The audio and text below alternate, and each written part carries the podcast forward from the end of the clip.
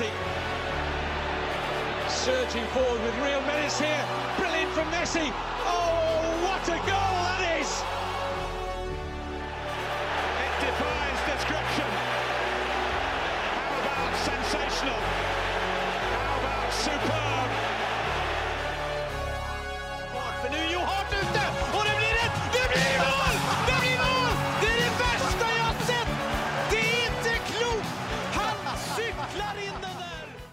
Ja da! Og velkommen til episode 232 av den eh, meget uh, sagnomsuste fotballpodkasten 90 minutter. Det ble ingen av delene. Det ble ingen av delene.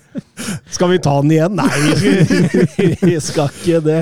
Ja, eh, Du har eh, satt på fotballpodkasten 90 minutter. Eh, Jeg heter Thomas Edvardsen, og med meg har jeg som vanlig Mats Granvold. Hallo. Og Søren Dupkay. Hallo, hallo. oi, oi, oi. Åssen går det, gutta? Åssen går det? Nei, det går fint. Uh, har vært en stille og rolig helg på hytta, så det har vært, uh, vært lite, å, uh, lite å snakke om, egentlig. Eh, ja. Fant du roen? Ja, det er, det er lett på hytta. Mm. Altså, det, er, det er ro overalt. Ja. Det er ikke en bil, vet du. Nei, nei, så, så du kom i zen, liksom? Nei, det gjør man jo ikke. Nei. Fordi for mye ro, det er også slitsomt. Du våkna ikke i Lotus, liksom? Nei, på ingen måte. Altså, hadde jo, eh, Yngstemann hadde jo kamp på søndag, så vi var ikke der så lenge. Men eh, Og så er det jo Det er ikke noe fotball der, da. Nei. Så det er vanskelig å komme i zen uten fotball. Ja, jeg skjønner det. skjønner det. Da må du fort hjem og se litt. Det blei en del kamper utover søndag. det. Ja, ja, ja. Hva med deg, Dupkern? Nei, det snør igjen, da. Det er jo Jeg er bevisst så unngikk jeg å snakke om været! Jeg tenkte Vi har nå blitt en værpodkast! Vi har jo blitt meteorologer! Ja, det har vi. Ja, Bortsett fra at vi snakker om været sånn det er akkurat nå, da. Vi Ja. snakker ikke om ja, det, det, skal Hvordan været blir. det skal bli plussgrader i løpet av uka, da. Det, Hvis du setter på de fem første minuttene av hver episode av Ja. 90 minutter, så får du været fra 2019 og ut. det, det stemmer nok, det. det, stemmer nok, det. Nei, nå, det- jeg bare Åh, jeg bare så lei. Å, herregud. Ut, Nei, jeg ser ut, ut og børste snø, og så, og så er veiene dårlige, for ingen har vært og, og rydde de enda. Og det, det skjønner jeg jo, det tar jo litt tid å få rydda når det kommer så mye. Og så er sånn. Men den genseren der, den er ikke fra i går. Nei, den er fotball-VM 2006. Ja. Du var på en kamp? Ja, eh, Sveits mot Sør-Korea i Hannover, siste gruppespillkamp. Eh, Sveits vant 2-0. Ja. Ja, Raff genser, må jeg si. Jo, takk. Ja, ja. Eh, men det er, vi, vi, vi, vi, vi prøver jo å korte ned episodene våre så godt vi kan, så da kan vi ikke sitte her og snakke om raffe gensere og været, så vi Skal vi bare kjøre, eller? Kjør.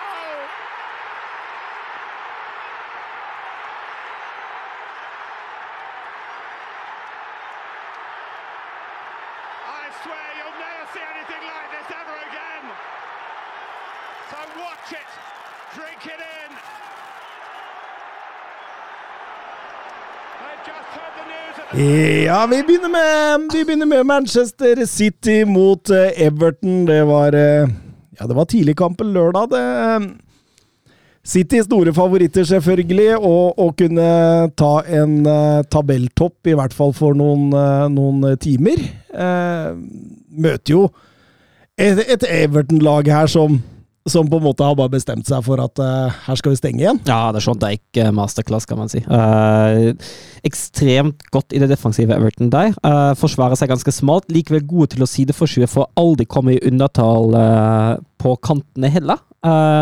Stenger boksen sin, stenger de sentrale pasningsveiene. og Da blir det fryktelig fryktelig vanskelig for City til tross for stor dominans i banespill og, og ballbesittelse, og skaper mange sjanser. Ballinnehav på 74-28 etter første omgang, og, og kun en XG på 0,7 mot 0,2, Mats. Det, det forteller jo egentlig mye om hvordan den første omgangen var. Ja, altså inngangen til Everton Jeg tror ikke City ble tatt på senga. Eh, at Everton skulle komme dit og ligge med, med 10-11 mann eh, godt inn på egen banehalvdel, det, det var på ingen måte overraskende. Det som kanskje var litt rart, var at han benka jo så å si alt av kreativitet. Det var nesten bare Phil Foden som var av de kreative typene på banen. Eh, både Bernardo Silva og Kevin De Brøne fikk, eh, fikk en etterlengta hvil. Så eh, det blei lite rom for Haaland å jage i, og, og, og City sleit stort da, som å bryte gjennom. Og du så også hvor flinke Garner og, og, og Ghana Gay er til, til å falle av mellom stopper og bekk, til å ta ut det rommet. Ashley Young var jo som en, en høyrebekk nummer to, Mm. stort sett hele matchen. Og Harrison løper jo mye, og samme gjør McNeil, så ja, altså det, Guffent lag. ja, Hadde det ikke City hatt det brødet å sette inn på, så hadde dette blitt 0-0. Ja, det Det kunne fort blitt er det. jeg ganske sikker på, altså. Det kunne fort blitt det, men, eh, men eh, Den får en corner. Haaland setter den eh, 1-0 der, og, og, og, og da da er det jo på mange måter kjørt, for det det er veldig vanskelig å omstille her. Ja, så har eh, Altså, Everton prøver jo da, de løfter jo laget sitt, og, og det er jo Altså, møte City, møte Liverpool, spiller Arsenal spiller ingen rolle, fordi det er gode spillere som har hurtig tempo framme der, og du, du kommer til å bli utsatt for et par kontringer. og Det er klart Haaland får jo Brentwaite til å se ut som han er tolv år gammel i den duellen der, og da, da, da er det gjort, eh, selv om Altså, Så fort City får målet, så er det jo egentlig avgjort, men, eh, men man får sementert det, i hvert fall. Ja, Haaland Braithwaite der Han blei smågutt der, så Ja, han ble smågutt. Og han er rett og slett fysisk mye sterkere og går jo gjennom ham, de. Mm. Uh, og da, da, da holder ikke det fortsatt å spille i Premier League, nei. Ikke mot Så- City Haaland. Og så er det så typisk Haaland, det der løpet på blindsida. Mm. Det er veldig vanskelig, for du må, du må som forsvarsspiller på en måte snu deg rundt igjen. Og, og, og, og med så hurtige spisser òg, da, så er det jo Nei, det er, det er ikke en lett oppgave. Og så, og så kunne det bli 3-0 der, men eh, Kevin De Brøne var ikke Kevin fra Bryne denne gangen. Han eh, gikk for egne sjanser istedenfor en eh, rask tvers over og hat trick på Haaland der. Vil ikke snakke så mye om det etter kampen, Haaland. Nei, nei, det skjønner jeg. Du kan ikke begynne å, du kan ikke begynne å, å, å kutte hånda som mater deg, på en måte. Det, det funker dårlig. Jeg tror nok Haaland får igjen for det seinere i sesongen. Ja. Han gjør nok det. Leste vel noe sånt noe som at det- det er Kevin De Brøne han får flest assist av, så Ja, det, det er jo ikke rart i det hele tatt. Det er vel, gjelder vel alle som scorer på City? eh, Grei seier til eh, Manchester City til slutt, selv om Everton ga dem kamp, eh, og, og fikk da tabelltoppen, i hvert fall i noen timer. Eh, Torjus eh, Hansen spør eh, Åssen måler Manchester, måler man Manchester Citys prestasjon her? Var man imponert? Er Er jo tross alt en corner som løser opp dette? Ja, jeg, jeg ble ikke imponert. Eh, Jeg syns det var en eh, lenge veldig seig kamp av City. Det var ikke det, det kreative City-laget som vi kjenner til. Det var ikke det offensivt sprudlende City-laget som vi har sett mange ganger. Så det er en sliteseier. Eh, De vant på en eh, heller dårlig dag, men eh, det bryr de seg nok ikke om eh, i dag lenger, tipper jeg. Nei, og så går det an å snu på det. Altså, den kampen Everton leverer i 75, den står det respekt av. Det er jo full lockdown. Ja, ja, ja. Altså, de, de stenger jo Jeg syns Everton er veldig gode til å gjøre City dårlig. Det er klart, det er jo ganske destruktiv fotball da, for en som liker fotball og ikke heier på noen av lagene. Så er det ikke sånn man har egentlig lyst til å sitte og la seg bli underholdt av, men klarer man å sette pris på det, så, så tror jeg nok mange kan se på det Everton gjorde der, på en, i hvert fall en liten nøkkel da, til hvordan man kan stagge City i, i lengre perioder.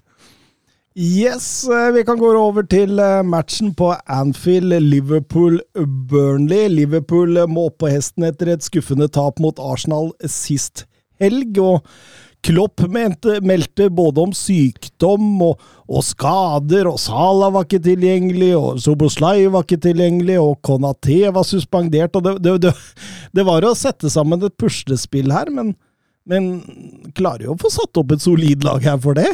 Ja, det er jo altså det er ikke småguttene som sender, ut der. Det er jo, det er jo en god del Premier League-erfaring. Altså Kwanza uh, kanskje som mest, eller som den minst erfarne. Kelleher har jo stått før han òg, for all del. Uh, og så er det jo Man har jo Robertson, Trent Alexander Arnold, eh, Virgil van Dijk, eh, McAllister, Diogo Jota, din favoritt, Davin David Núñez, eh, Luis Diaz. Det, det er jo spillere som har det, det er jo spillere som har en viss kvalitet. Mm. Og, eh, men men det, er, det, er, det er et Burnley som, som faktisk eh, plager Liverpool litt her i innledninga. Jobber hardt, presser eh, det, det, og, og er faktisk også nærmest mål innledningsvis.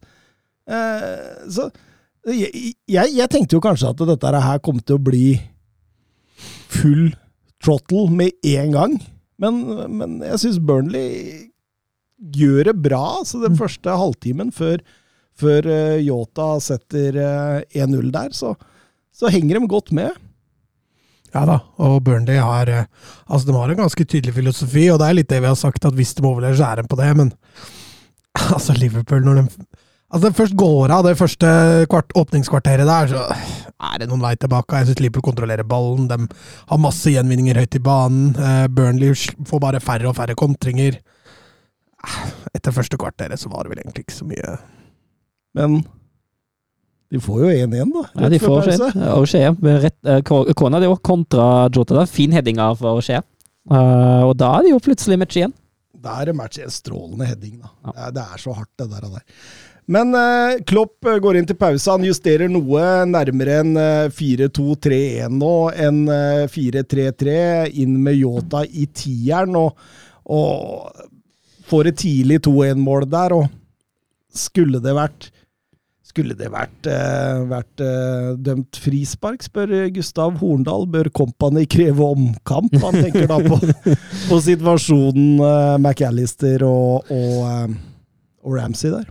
Ja, altså det, For meg så det ut som at McAllister sparka inn i Ramsey og ikke i nærheten av ballen, og så går han, uh, går han i bakken sjøl, for han tråkker over eller et eller annet. Men uh, det er jo, det er jo en forseelse eh, som dommen uh, ikke får med seg i den situasjonen da, da mener jeg det er frisparket.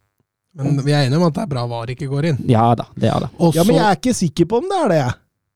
Jo, men jeg, jeg skulle til å si at han bør jo kreve omkamp, for Klopp har jo satt en presedens nå som ja, men Jeg mener nå bør lista ligge der, i hvert fall når man møter Liverpool.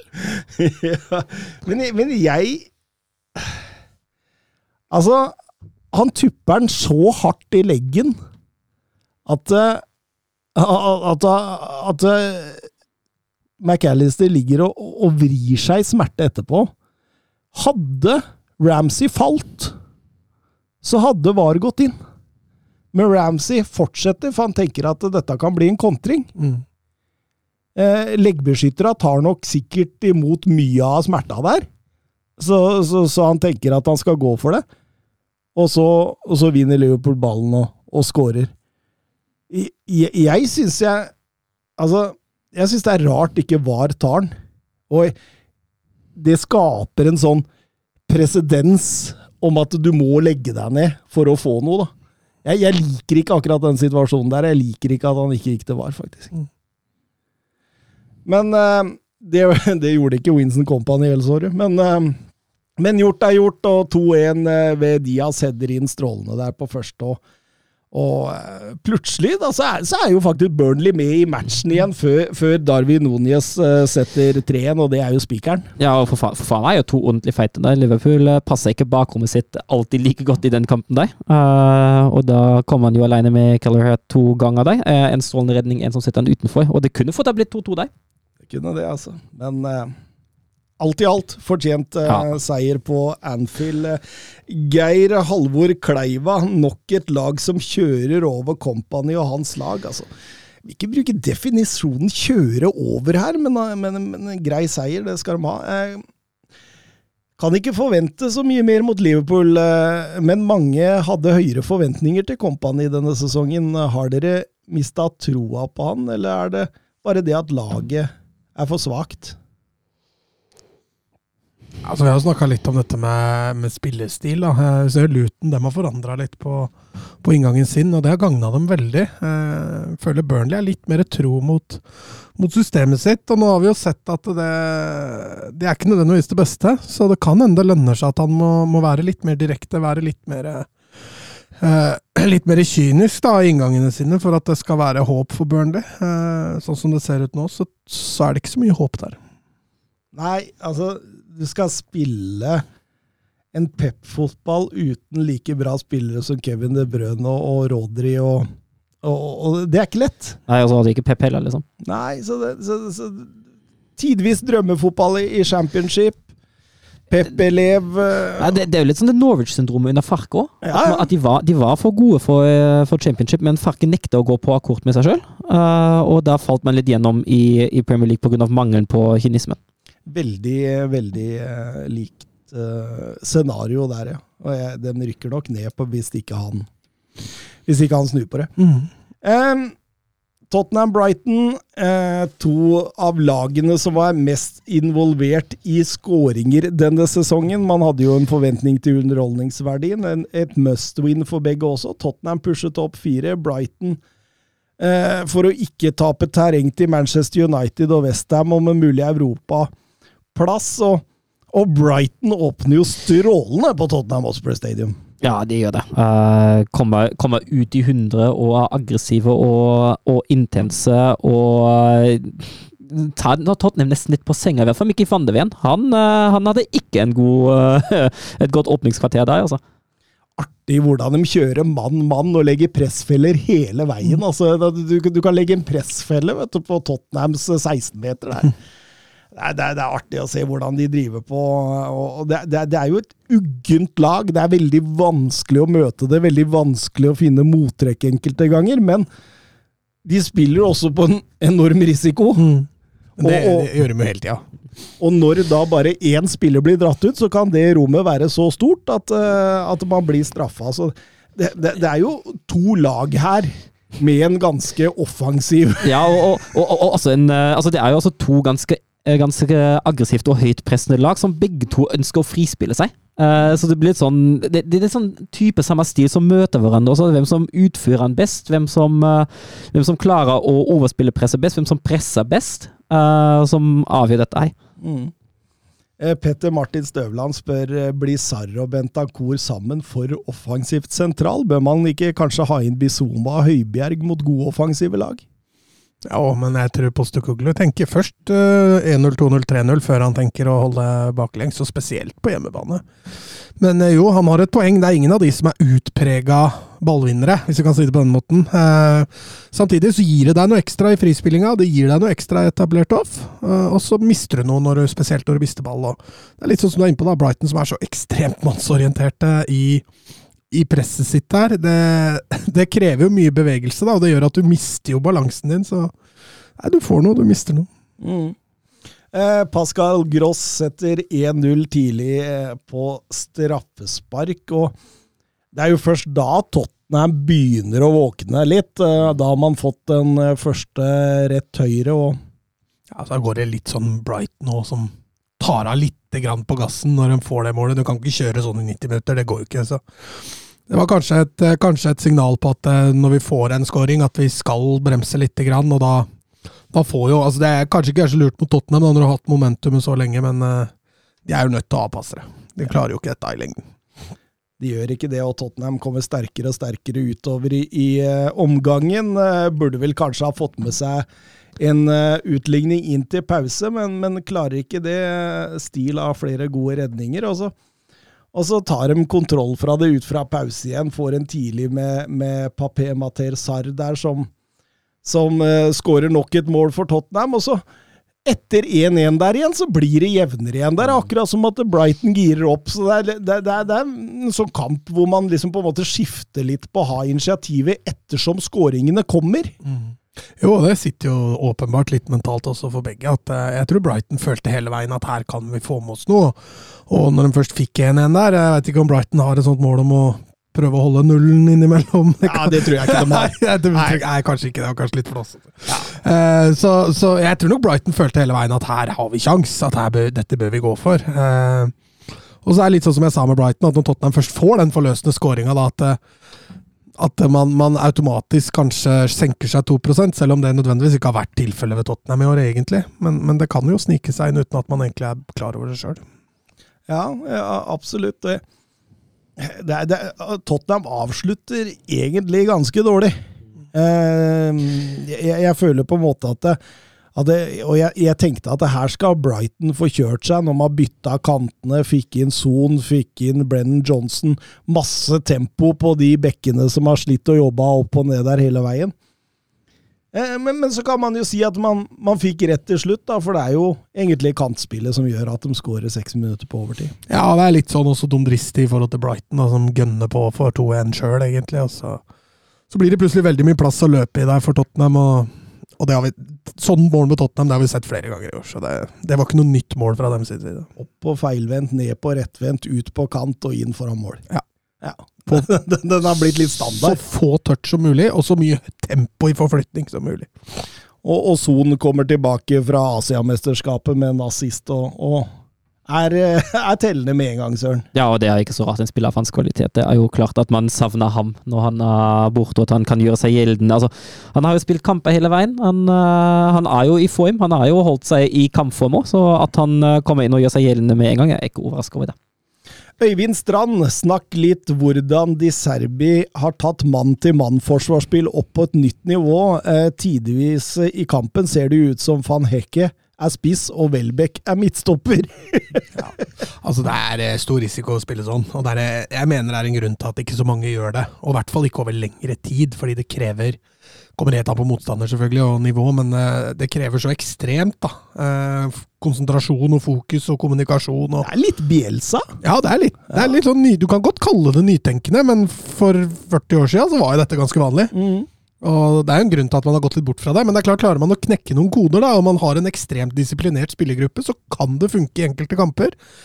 Eh, og eh, det er selvfølgelig gøy å se når folk prøver noe litt nytt. Eh, det skal man absolutt ha. og Hvis han klarer å perfeksjonere det og gjøre det noe bedre, så kan det jo kanskje funke i lengden. Men jeg ser liksom ikke helt at dette skal være nøkkelen til å slå City, f.eks. Jeg, jeg klarer ikke helt å se det. Eh, og når man møter ordentlig gode individualister én mot én, så blir du så hardt straffa når det går galt. Og det, jeg tror ikke det går. Er det derfor storklubben også er litt forsiktig med å ta i De Serbi? At de ser at uh... Jo, det kan godt hende, men uh, jeg, jeg tror nok heller at uh, forsiktigheten for å ta i han For det første har det ikke vært så mange ledige jobber. sånn Nei, nei, men altså, han har jo stort sett hatt altså, Stort sett hatt uh, Jo, jo. lag midt på tabellen, Ja, men- både i Serie A og Men jeg tror det handler litt om å prestere på et Mm. nivå over lengre tid først, før man, før man gjør det. Men at alle ser at Serbia er en veldig spennende, innovativ trener, det, det er det jo ingen tvil om. Og så må nesten storklubbene svare for seg, da. Men jeg også har jo sagt det tidligere, at eh, i starten blei man veldig forelska i han, men over tid så har man jo blitt litt mer jordnær og sett at uh, han er nesten litt for innovativ. Eh, litt mange feil. ja, det er litt andre, mange sånn prøve- og feile-opplegg han driver med, og det, det passer ikke inn i en storklubb. Du kan ikke komme til ja, Kanskje Chelsea er dårlig alternativ, men du kan ikke komme til United og prøve å feile. Nei. Altså, Ten Hag lever under konstant press. Uh, så Nei, det er, kanskje der ligger noe i det. Simen eh, Ervik er eh, Pascal Gross eh, Premier Leagues mest undervurderte spiller. Ja, Han er i hvert fall veldig undervurdert, syns jeg. Han, altså, det er ikke bare at han skårer fra straffe, men jeg syns også man ser det før den 1-0-situasjonen. Det er jo han som vinner ballen sjøl, og han er jo en ballvinner av rang.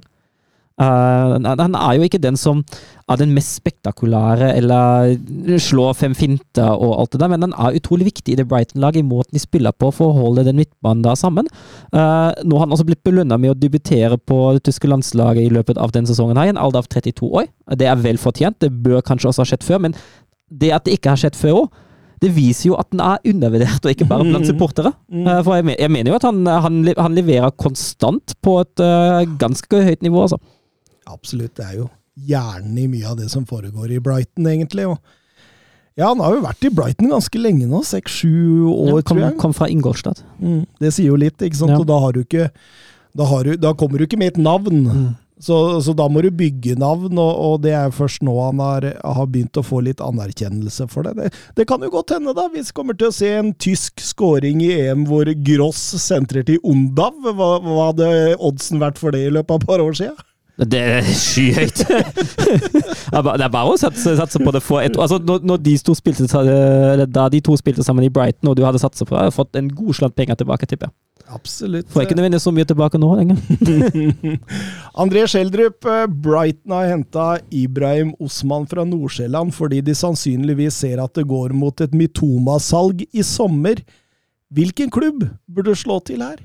På Mitoma? Ja. Uh, en venstrekant. Barca?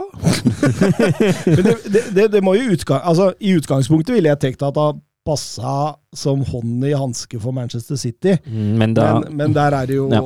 fylt opp og vel så det på den, den venstre sida. Nå kommer vel Savio også, i, ifølge ryktene Ganske billig òg, faktisk. Ja.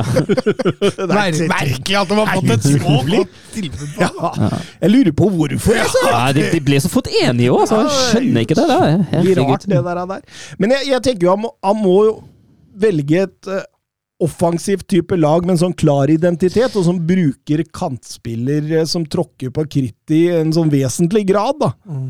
Og da, da, da kommer jo sånne lag som Manchester City, Tottenham, sånne lag vil han jo passe inn i. Ja, Liverpool òg. Ja, ja. Ja, for all del. Han hadde sikkert gjort det bra i Liverpool. Men det er klart, både Liverpool og Tottenham så har han jo en viss hindring, da, før han eh, Det er en viss utfordring å komme inn på de laga der. Ja, og den eh, Men Bayern, da?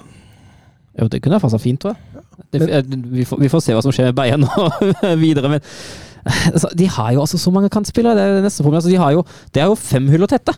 Det, altså, nå har de jo henta Bayern Saragosa, og altså, jo Gnabry Sané Komoda fra før. Uh, Mosiala kan spille venstrekant òg, altså. Ja, eh, de altså, har de så mye annet som de faktisk må fikse. At, uh, ja. Men nå gikk vi Caicedo for en milliard, på en måte. Altså, Ja, det han, litt, han, han kommer ikke til å bli billig, så, så, så det må jo være et klart behov Ja. i klubben. ja, for og, og da blir det altså fort Premier League eller PSG eller noe sånt. da. Mm. For eh, Bayern kommer ikke til å ta seg råd til det, tenker jeg. Ja, kanskje han blir en Bappe-erstatter?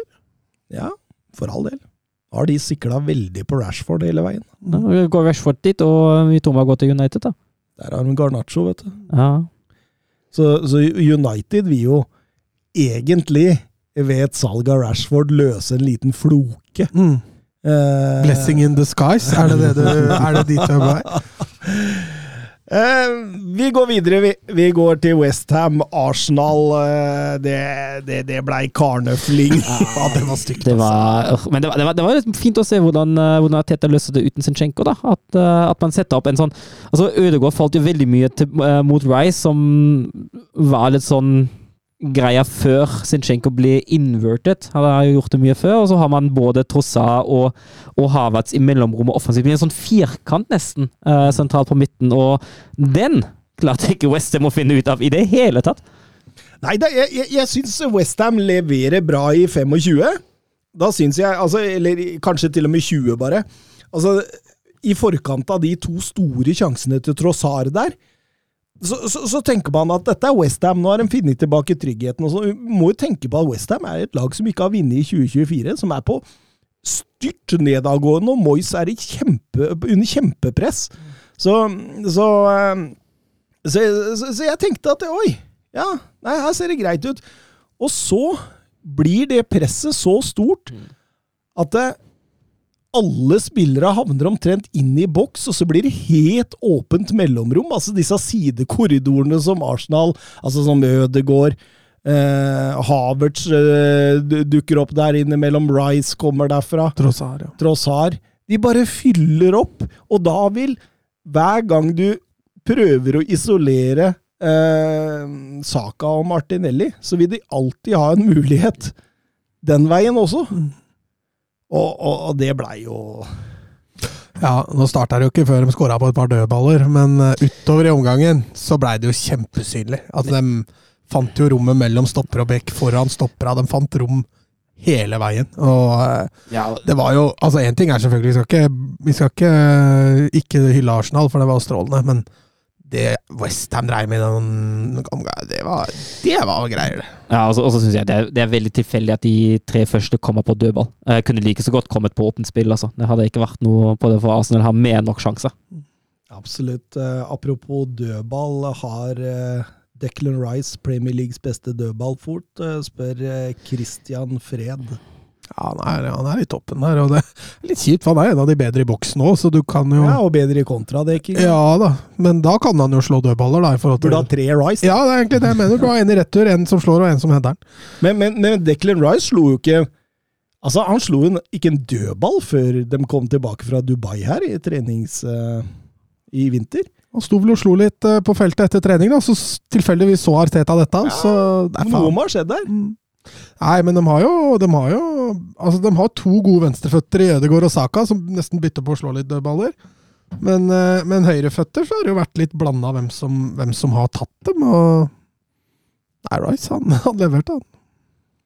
Men totalt overkjøring. Eh, Westham prøver seg litt ut fra pause der, men det er jo Ja, det, det, altså det er 4-0. Det, det, er jo det er jo ferdig, og Arsenal ser jo aldri ukomfortable ut heller. Nei, altså Gjør det et par bytter i pausen her òg, bare for å prøve å det. Ja, men eh, du, du, han skifter jo ikke noe Nei, det er akkurat det. altså, Han, han gjør bare mannskapsbytte. Det er ikke noe, det er ikke noe posisjoneringsbytter eller noe Prøver ikke noe annet, liksom. stilendring. Det kan vi jo være enige om, men uh, Altså, de som kommer inn nå, Philips altså, han, han er jo nærmere et rødt kort enn en god prestasjon, så han, han er jo ikke helt tam, han heller. Eh, Fredrik eh, Stjerna, var Westham brutalt svake eller Arsenal vanvittig gode? Og hva tenker man om supportere som går hjem før pause? Vi kan jo ta den supporterne først. Altså, de, hvis, hvis de går hjem før pause, for meg er det ikke det supportere. Det er, det er folk som liker event. Uh, og og som, som heier, som heier på, på sitt eget lag når det er gøy. Det, det, er, det er det det er for meg. Uh, jeg har vært med på, på stygge stygge tap med eget lag, og jeg har ikke forlatt banen før, før for det. Jeg, det, det. Gjør jeg ikke, rett og slett. Jeg, jeg syns det er altså, kan gjerne stå og, og synge ironisk eh, når det blir for ille, eller, eller kreve, kreve trenerens avgang eller et eller annet. men- Later som vi scorer mål. Ja, den er gøy. Den er fin. Men, men det å gå, det syns jeg, jeg er så illojalt, da. Mm. Altså, det, det, det, jeg syns det er noe med den enheten spillere og supportere at man, man snakker om at man er en enhet, og at man skal stå gjennom det sammen, og så forlater supporterne bare altså, jeg, I jeg, med og motgang! Ja, det er akkurat det. Jeg, jeg, jeg, syns- det er en uting å bare dra. Semperfy, do or Ja. die, gung ho, gung ho, Altså- gung ho. Altså, jeg, har stått på tribuner og, og kjefta og vært dritforbanna og alt det der, men jeg har vært der. Mm. Ja, ja. Nei, eh, for all del. Eh, enig med deg, og jeg, jeg Altså, gå før pause. Altså, det, det, det satt jo noen Liverpool-fans i Istanbul i 05, var det vel? Som gikk til pause der. De, de angrer det var mange som sto igjen og sang òg. Ja, For de sa jo det når de gikk ned i garderoben, at de hørte supporterne sto og sang på dem. ja, at det ga At det ga litt ekstra. Altså. Mm. Det er klart supporterne spiller en rolle, og det hjelper ikke for spillerne når du kommer ut til halvfull stadion og Fader, er det som har skjedd i pausen her, liksom? Ja, så for det, det så jo ut som Lyn på Ullevål stadion. Altså, det, det, utover kampen der. Det blei jo 20 000 tomme Har, har dere sett de bildene av de folka som, som dro, eller? Ja, altså, de, som, altså, som, altså, ut fra, fra utsida fra stadion det var massevis av folk. Ja, det var, det var, det var vilt. Det var vilt, faktisk. Eh, som vanlig når det er sånne sifre i, i en toppkamp i Premier League, så er det en mellomting mellom om Westham var svake eller Arsenal var gode. Altså, du, kan, du, du kan jo si det sånn at Westham var svake og Arsenal var gode. Ja, altså, det, det, er liksom det, det er sånn det som skjer når, når et forsvar faller fullstendig sammen og møter et topplag. Uh, når, når det er på en måte ikke noe god defensiv struktur der i det hele tatt, uh, og så møter man spillere på det nivået der, da, da kan det skje. Ja, veldig ofte når du nevner de to tinga. Hvis bare én av kriteriene er der, så blir ikke- det blir ikke 6-0. Begge kriteriene bør antageligvis være til stede for at det skal bli sånne. Sannsynligvis. Eh, David Moyes har eh, Det er kun andre gang i Premier League-karrieren han har sluppet inn seks. Eh, Skal du ha første gang, eller? Ja, det kan du Du, du kan det åpenbart, eller? Nei, jeg, bare gikk ut jæklig høyt nå. Ja, For, for igjen, du, har, du, har du svaret? Ja da. Ok, Ja, det var når han hadde trente Everton, Ja. Og det var mot uh, uh, Mot Arsenal. ja. Ja, hva? Var det det? Tar du årstallet òg, eller? Uh, 2008. Å, ni! Jeg var på den! Ja, Sterkt, det, altså. Vi går over til Willa Park, hvor eh, Manchester United eh, var på besøk.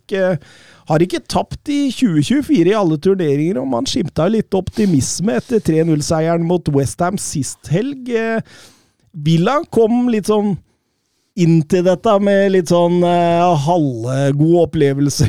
Det var kanskje ikke halvgod engang, det var skikkelig dårlig etter FA-cup. etter FA-cup-tapet mot Se mellom der, halvgod og skikkelig dårlig. Ja, men altså eh, Tanken min med det var jo det at de var jo hele tida med i kampen mot Chelsea. Ja. Men at eh, Chelsea nok eh, i og for seg vant uh, fortjent og gikk videre derfra. Og, og, og, og man forventa jo en jevn fotballkamp. Blei den så jevn, da? Ja, altså, jeg syns jo det. Uh, altså, jeg syns den går sånn veldig i perioder. da. Uh, jeg syns United starter best. Uh, fram til 1-0. Uh, fram til de leder 1-0, så er de det beste laget utpå der, så vil jeg ha en del ball. Eh, men jeg syns presset til United er veldig bra. Som regel stopper det meste senest på andre eller tredje presslett. Uh, og så etterlater Villa seg for mye rom. Uh, så United får brukt de rommene en del og kommer på sånn, noen sånne halvfarlige overganger og skaper litt og, og skyter litt og alt det der. Men når United scorer, eller etter at United scorer 1-0, da, så faller det litt sammen. Da, da stemmer det ikke i presset lenger. Altså, den avstanden mellom andre og tredje presslett den blir enorm. Uh, og da er det voldsomt med mellomrom som uh, Villa får bruke. Og i den perioden da, uh, fra 20 år til pausen, er Villa det klart beste laget. Uh, og det er egentlig et mirakel og Onana uh, at ikke de utligner her. Ja, Onana blir jo skutt jæklig god i den kampen. Han er noen fine år, da. Hæ? Hæ? Han er noen fine år. Ja, men alle kommer jo i rekkevidden, liksom. Ja, men for all det, men uh, Når du avslutter fra sju meter og ikke klarer å få den bare litt utafor rekkevidden. Syns uh, Villa er veldig gode til å, å få Colby Maino ut av posisjon Mm. og, og angripe inn bak han. Og, og han lå som høyre midtbanespiller, og, og det var jo også på høyresida med Dalot der, hvor, hvor Ramsey hele tida eh, vandra mellom å ligge mm. på stopper og ligge på bekk, sånn at det, eh, han ga hele tida Dalot et ultimatum. Skal jeg bli med inn, eller skal jeg, skal jeg eh, stå igjen og vente på eh, Moreno. Moreno? Så, så, så det var jo veldig ofte ut venstre Villa, altså høyre United, hvor, hvor problemene starta. Mm. Eh, og, og jeg er jo litt enig, og når Ollie Watkins eh, bommer på den eh, to minutter ut i annen omgang ja, herregud. altså. Den, den, må altså, det, og er helt den må han jo bare få på, på en måte at Onana ikke klarer å rekke. Ja, det, altså fra, Når du er upressa fra fem meter, Ja. og, og du klarer å, å, å sette den rett på Onana Han setter vel i kassa på den. Ja, ja. Jeg tror jo Altså, ja. Nei, det og, og, og, og i denne perioden Men da har jo også Bailey begynt å melde seg på. Så da har de begynt å angripe fra begge sider, egentlig. E- Egentlig, og, og, og United sliter jo voldsomt her på denne tidspunktet her. Ja, ja, ja. Det fortsetter godt i andre omgang. Altså det, det hjelper heller ikke å bytte inn Lindelöf for Shaw. Det, det, det er ikke akkurat sånn at det, er, det gir ekstra defensiv eh, stabilitet på, på på bekken der. måtte, måtte vel på grunn av en skade, så ja. Ja, ja, det er utvilsomt, men eh, det, hjelper ikke. Eh, og så er det jo ekstremt fortjent når vil Villa utligner etter halvspilt andre omgang, altså. Fordi United får ikke, altså de får nesten ikke frispiss. Altså, ja, de har noen overgangsmuligheter. De viser litt potensialet når det kommer noen overganger der, men det er ikke noen særlig store der heller. Uh, så Villa fra, fra 20 og i hvert fall til 1-1 er det klart beste laget. Ja, han, han gjør et grep rett før 1-1. Han, han går over til en Kan man kalle det nærmest en, en Red Bull original? En 4-2-2-2. Eh, og hvor eh, Diaby legger seg opp sammen med, med Watkins, og så ligger Bailey litt ut høyre. Og, og Ramsey litt ut venstre, og så har du de to holdene. Og, og, og United sleit litt med dette her. Louis setter 1-1, eh, fullt fortjent. Er, er Onana han feirer til? ja, Ja, det er det. Ja, ja, ja. Da har slengt noen meldinger. Ja. det har vært noen meldinger der, ja. Og, og etter 1-1 nå, så trykker eh, Villa voldsomt, men, men, men så gjør Erik Den Haag noe veldig lurt. Han setter inn Altså, han ofrer kontringsstyrke og setter inn på Duell. McDominay, Mm. som, som da kan være med på å ta litt kontroll i, i, i, eh, sentralt i banen der. Og samtidig som Ten Hag gjør dette, så gjør Una Emery en kalasfeil når han tar av Bailey og setter dem på Tilemanns, og, og begynner å tenke eh, litt mer trygghet, han også. Fordi de har momentum. Manchester United tar bort kontringsstyrke. Altså, her er det jo bare å kjøre på. Mm. Isteden så blir man for reservert. Altså, jeg mener at den United-seieren her, den må Unai Emry ta på sin kappe, altså. Men uh, tror du ikke Bailey var litt sliten? Jeg syns han men, begynte å men, men du, du, kan, du kan jo velge andre alternativer i så fall. Ja, ja. Du, du bør jo ikke sette inn på én ekstra defensiv midtbanespiller på samme måte som det, det eh, Ten Hag gjorde. Mm.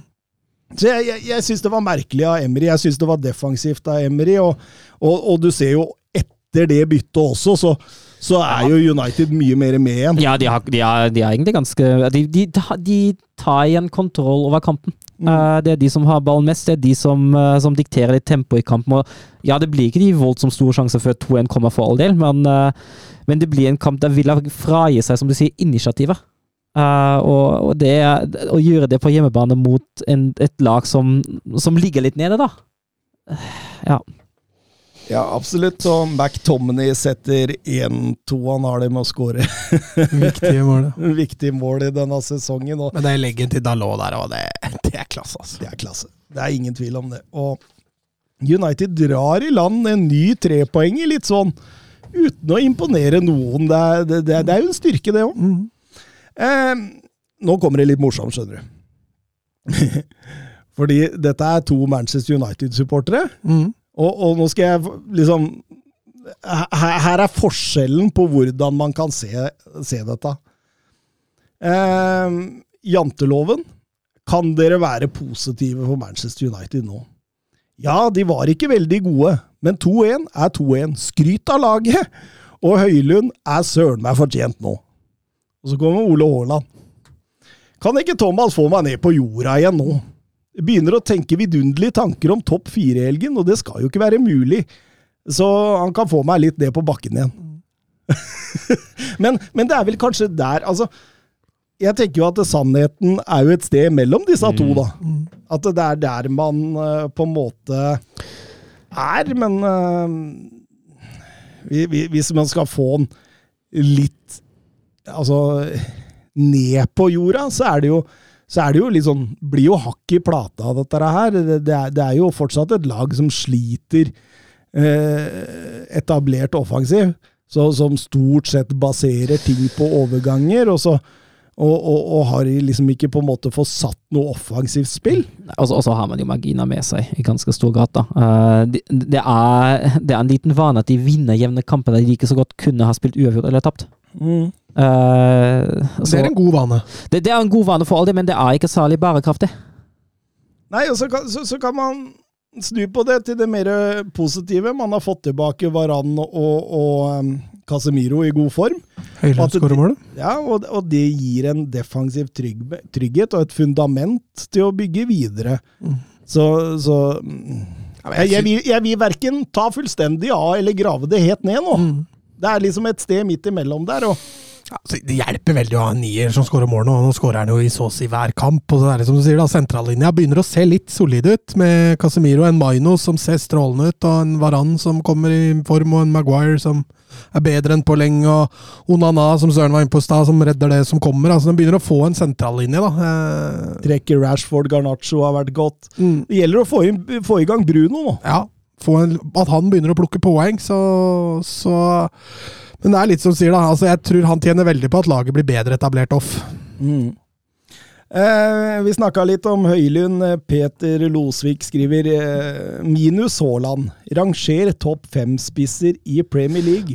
Høylund begynner å vise pro på at han hører hjemme i det gjeveste selskap. Altså, Det, det er en vanskelig øvelse, altså. Ja, det, det, det er mange gode spisser, det. ja, men vi må, vi, vi, vi, vi må utelate sånne som Sala og Son og Ja, ja, sånt, da, som ikke er reine, så det blir niere. Ja, Julian Alvarez, men han, han er jo med. Uh, ja. Han er jo nier. Ja, han, kan er- spille han- andre ting, men han er nier. Men altså, det er på andreplass for meg etter hun den første i en liste, er David Núñez.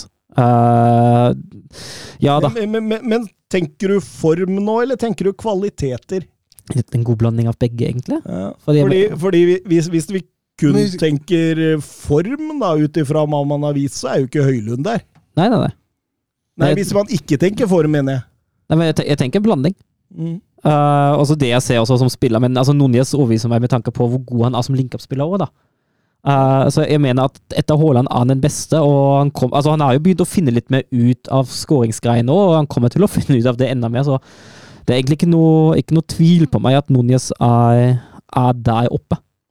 Men altså Watkins, Richarlison, Núñez, Solanke, Høylund, Isak, Isak Tony ja, Alvarez. Er Matheus Konia med der. Ja.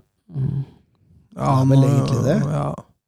Tony han har jo ikke spilt, han har spilt tre kamper i år. Nei da, men han, Han har jo kvalitet. han er jo, han er jo ja, Vi har nok info til å ta med her. Ja, men vi setter Diogo Jota som nummer tre, gjør vi ikke det, dere? Det er Rein spiss, er det ikke det? Ja, ja, men, men ikke. nummer tre, hvem var nummer én? For meg er det Núñez. Å ja, jeg syns du sa Haaland, jeg. Ok. Ja, altså, men Haaland er ute. Haaland er ute. Ja. Ja, nei, altså Watkins syns jeg fortjener en plass på en lista der. Jeg syns han har vært eh, strålende i år. Eh, Hvor enn på lista er ikke så eh, Det er litt vanskelig å rangere. dem. Ja, for det er så små forskjeller. Kommer an på hvilke kvaliteter du liker. Og da Richarlison denne sesongen, i hvert fall de siste 10-12 kampene, har jo vært Det har jo kanskje vært det beste av alle. har jo vært fantastisk. Eh, og, Dominic Solanka har jo kommet som et skudd i år. Han er ganske komplett. Eh, stor og sterk og rask, og plutselig har han begynt å skåre mål, og det er klart det, da løsner det litt. Og så er det som du sier, da, Ivan Tony, selv om han har spilt bare tre kamper, så Matheus Konia, ikke Ja. minst. han også har jo virkelig skutt i fart i år. Så jeg syns det er vanskelig å rangere dem, da, men eh, Men han er der i det selskapet. Det er Ja, det er han jo nå. Eh, og så er det klart, Haaland er jo en soleklar nummer én. Så det er et sånn lite, sånn lite fall bak det neste. Ja, jeg, syns altså Nunes er en ganske soleklar nummer to, altså. Ja, det kan vi godt si, da. Men hvis du tenker antall mål, da, så er han jo ikke der, helt der oppe. Nei, men jeg teller ikke Altså, jeg, jeg vurderer ikke en spiss utelukkende på mål. Jeg tenkte jeg liksom form av nier. Nier, liksom. Ja, men han gjør jo så mye bra som nier òg. Altså, han, jo- han begynner jo å bli en form for Harry Kane. Uh, så godt som han blir knytta opp i spillet, da. Mm. Ja, han er blitt veldig viktig for Ja, Liverpool. han, ikke, noe, han er bra. ikke noe å si på det. Ingen tvil om det. Eh, Chelsea spiller i kveld mot uh, Crystal Palace, eh, så den får vi ikke eh, tatt. Men jeg Fikk dere med dere at kona til Tiago Silva hadde vært ute på Twitter og, og krevd eh, Nye kjøp? ja, krevd Pochettinos hode på et fat? Ja, såpass, ja. Og vips, så spilte ikke Tiago Silva neste fotballkamp. Ja, altså, det, må, det må jo komme fra et sted. Altså, det er jo uh... Ja, da snakker vi jo illojalt, da. Ja. Da veit du hva de sitter og prater Ja, det er akkurat det. Og det er det som er så kjipt, ikke sant? Ja. Og hun har gjort det før òg, vet du. Så, i, i Paris. Så Ja, men var Pochettino der da? Nei, det var ikke ved Pochettino, tror jeg. Å oh, ja, hun sa Pochettino skulle gå når han var i Tottenham. Å, fy faen, du er en klønn, ass. Ja, da gjorde jeg meg dum. Jeg er enig. Ødelegger flyten i podkasten, Jørne Søren! ja, en, en, en, god, en god ødelegger defensivt på midten, da. Ja, en destroyer. God nummer to. Mats the Destroyer. Eh, Men eh, vi har fått noen Chelsea-spørsmål. Jørgen Nystuen, Chelsea ønsker å hente Talis, som eh, nevnt i media er den nye Endrick. Hva kan 90-gutta si om han? Morsomt, det er nye Endrick. Ja, det er 17 år. ja, har ikke slått gjennom engang. Eh, Men, men leste en artikkel her eh, for litt siden om den, og da ble den sammenligna med Rivaldo. Og forskjellen på Rivaldo og, og Endrik er jo er jo prekær, så jeg, jeg, jeg ser ikke helt den. Eh. Eh, Nettopp fylt 18, 2005-modell angriper, ikke noe uprega nier, så han ville ikke vært med på den eh, lista vår. eh, Mer enn enn som jobber i tieren og, og, og litt ut på sidene. Halve Europa er vel ute etter den, alt fra Benfica til Real Madrid, Barcelona og Chelsea, så det blir nok kamp om.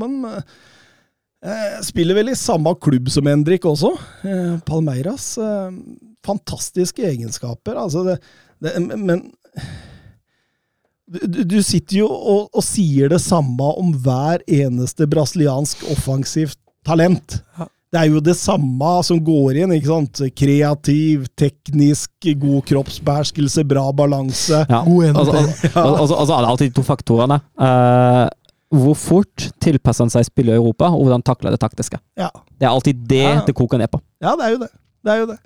Så, det, så- om han kan komme til å slå igjennom eller ikke, det, det, er veldig vanskelig å si. Men at råmaterialet er der, det er det jo ingen tvil om. Mm.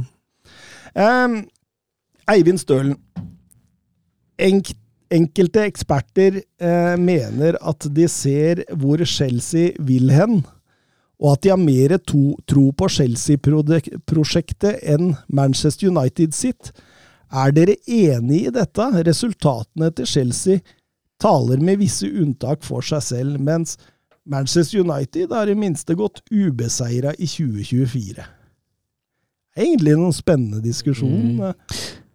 to sånne. Og, og jeg, har jo, jeg har jo sagt tidlig i sesongen her, at jeg mener at Chelsea er på en bedre vei enn det United er. Uh, det Ja, Så du er enig med eksperten? Ja, jeg, jeg, var, jeg var det før, Uh, men jeg er ikke så sikker lenger. Jeg tror jeg vingler litt på den. Også fordi eh, altså Jeg føler at hver gang Chelsea gjør et skritt framover, så kommer det to tilbake igjen. Eh, det er på en måte ikke noe konstant utvikling der, som jeg ser i hvert fall. Eh, de har gode enkeltkamper for all del. Det er noen kamper der man tenker at oi, dette var bra. Det kan også være to eller tre, og etter man tenker at ok, dette var jo ikke så ille. Eh, og nå kan de være på vei mot noe, så kommer det neste der de gudene guden vet, spiller bort mot Luton, og så taper de 2-0 eller et eller annet, da, ikke sant? og spiller helt forferdelig. og og det, det er liksom det da, at det er ikke noe Jeg ser ikke noe konstant utvikling helt hos Chelsea, altså. Jeg gjør ikke det. Men nå har du ikke den oppe, tror jeg. Men eh, du gikk jo gjennom XG og expected points Mm. for en tid tilbake. Ja, og da var jo United fryktelig godt betalt, mens Chelsea Mm. hadde fryktelig underbetalt. Nå veit jeg ikke åssen den ser ut jo akkurat nå, men den, altså. uh, jeg, jeg skjønner jo hva de ekspertene snakker om, fordi du ser spesielt offensivt, da. Så er det et mer tydelig mønster hos Chelsea enn det det er hos United. Og så kan du snu om det på at United er jo mye bedre defensivt. Mye Mm. bedre defensivt Mm. enn det Chelsea er. Mm. Så det er lettere å kontrollere skjebnen din, da. Ja. Eh, så jeg tror nok kanskje mye av nøkkelen ligger der, og at Mhm. Chelsea går på noe flaue hjemmetap som United ikke går på, ikke sant? Ja, United har fortsatt 11 poeng overtalt i, i expected points. 11 poeng. Ja, mens Chelsea, mye, altså. mens Chelsea har, har 7 poeng underbetalt, da. Ja, Så så det, 11 poeng overbetalt, det vil si at de hadde vært på 30 poeng, og det gir en tolvteplass. og hvis Chelsea får sju til, da? Ja, 38. Da vil de få komme på 38, Ja. som vil gi en sjuendeplass. Men ja. samtidig, samtidig har jeg ikke sjekka statistikken for de siste kampene, da. Uh, for- Nei, nei, men, men, men det, det er jo interessant. Ja. Samtidig som Jeg har jo sagt mange ganger at du kan ikke måle alt på XG. Nei, nei. nei. Det, er- det, det er mye mellom her, men jeg, jeg, jeg liker diskusjonen her, fordi, og jeg syns du, Mats, er veldig inne på det. At eh, Manchester United har nok en del flere poeng fordi de er mer solide i rammeverket. Mm. Og at eh, hvis Chelsea vil få den soliditeten på plass, så vil det sannsynligvis være på lengre vei enn Manchester United. Samtidig så syns jeg også selve prosjektet med alle de unge spillere og sånt, at det, dette vil ta tid. Altså, jeg, jeg forstår fortsatt ikke de som på en måte skal halshugge Pochettino nå. Nei, det, det må, det må, altså, vi må jo få den sesongen her på seg, tenker jeg. Ja, minst. Ja. Minst. Og det, det har jo, jeg har jo sagt det for noen episoder siden nå, at hvis man ser på poengfangst og Jeg har jo ikke fulgt Tottenham tett på den tida, for all del, det kan du bedre enn meg, Thomas, men den første, eh, første sesongen til Pochettino, poengmessig nesten det samme som sesongen før. Jeg tror de hadde ett poeng mer, eller noe sånt. Altså, det, var, det var ikke de store forskjellene der heller. Det tok jo litt tid før han fikk etablert dem som et topplagt da òg, altså. Første sesongen var den eneste sesongen han ikke tok dem til Champions League. Ikke sant? Og det, det, tar, det tar tid. Han er en bygger, og det vet man at man har, at man har henta. Nei, det, det begynner å bli mye misnøye blant Ja, Chelsea-fansen på Twitter nå, altså. Ja da. Og Men hva, hva trodde de man når de skulle få Pochettino? Jeg, jeg tror også det at eh, med Tottenham så var jo ikke det enorme presset der når han tok over. Eh, nå var det jo liksom press fra starten av at Altså, Hvor mange, år- mange år kan Chelsea klare seg uten Champions League hvis de skal fortsette å kjøpe spillere til de summa som de gjør nå? Altså, Det kommer jo ikke til å gå, det.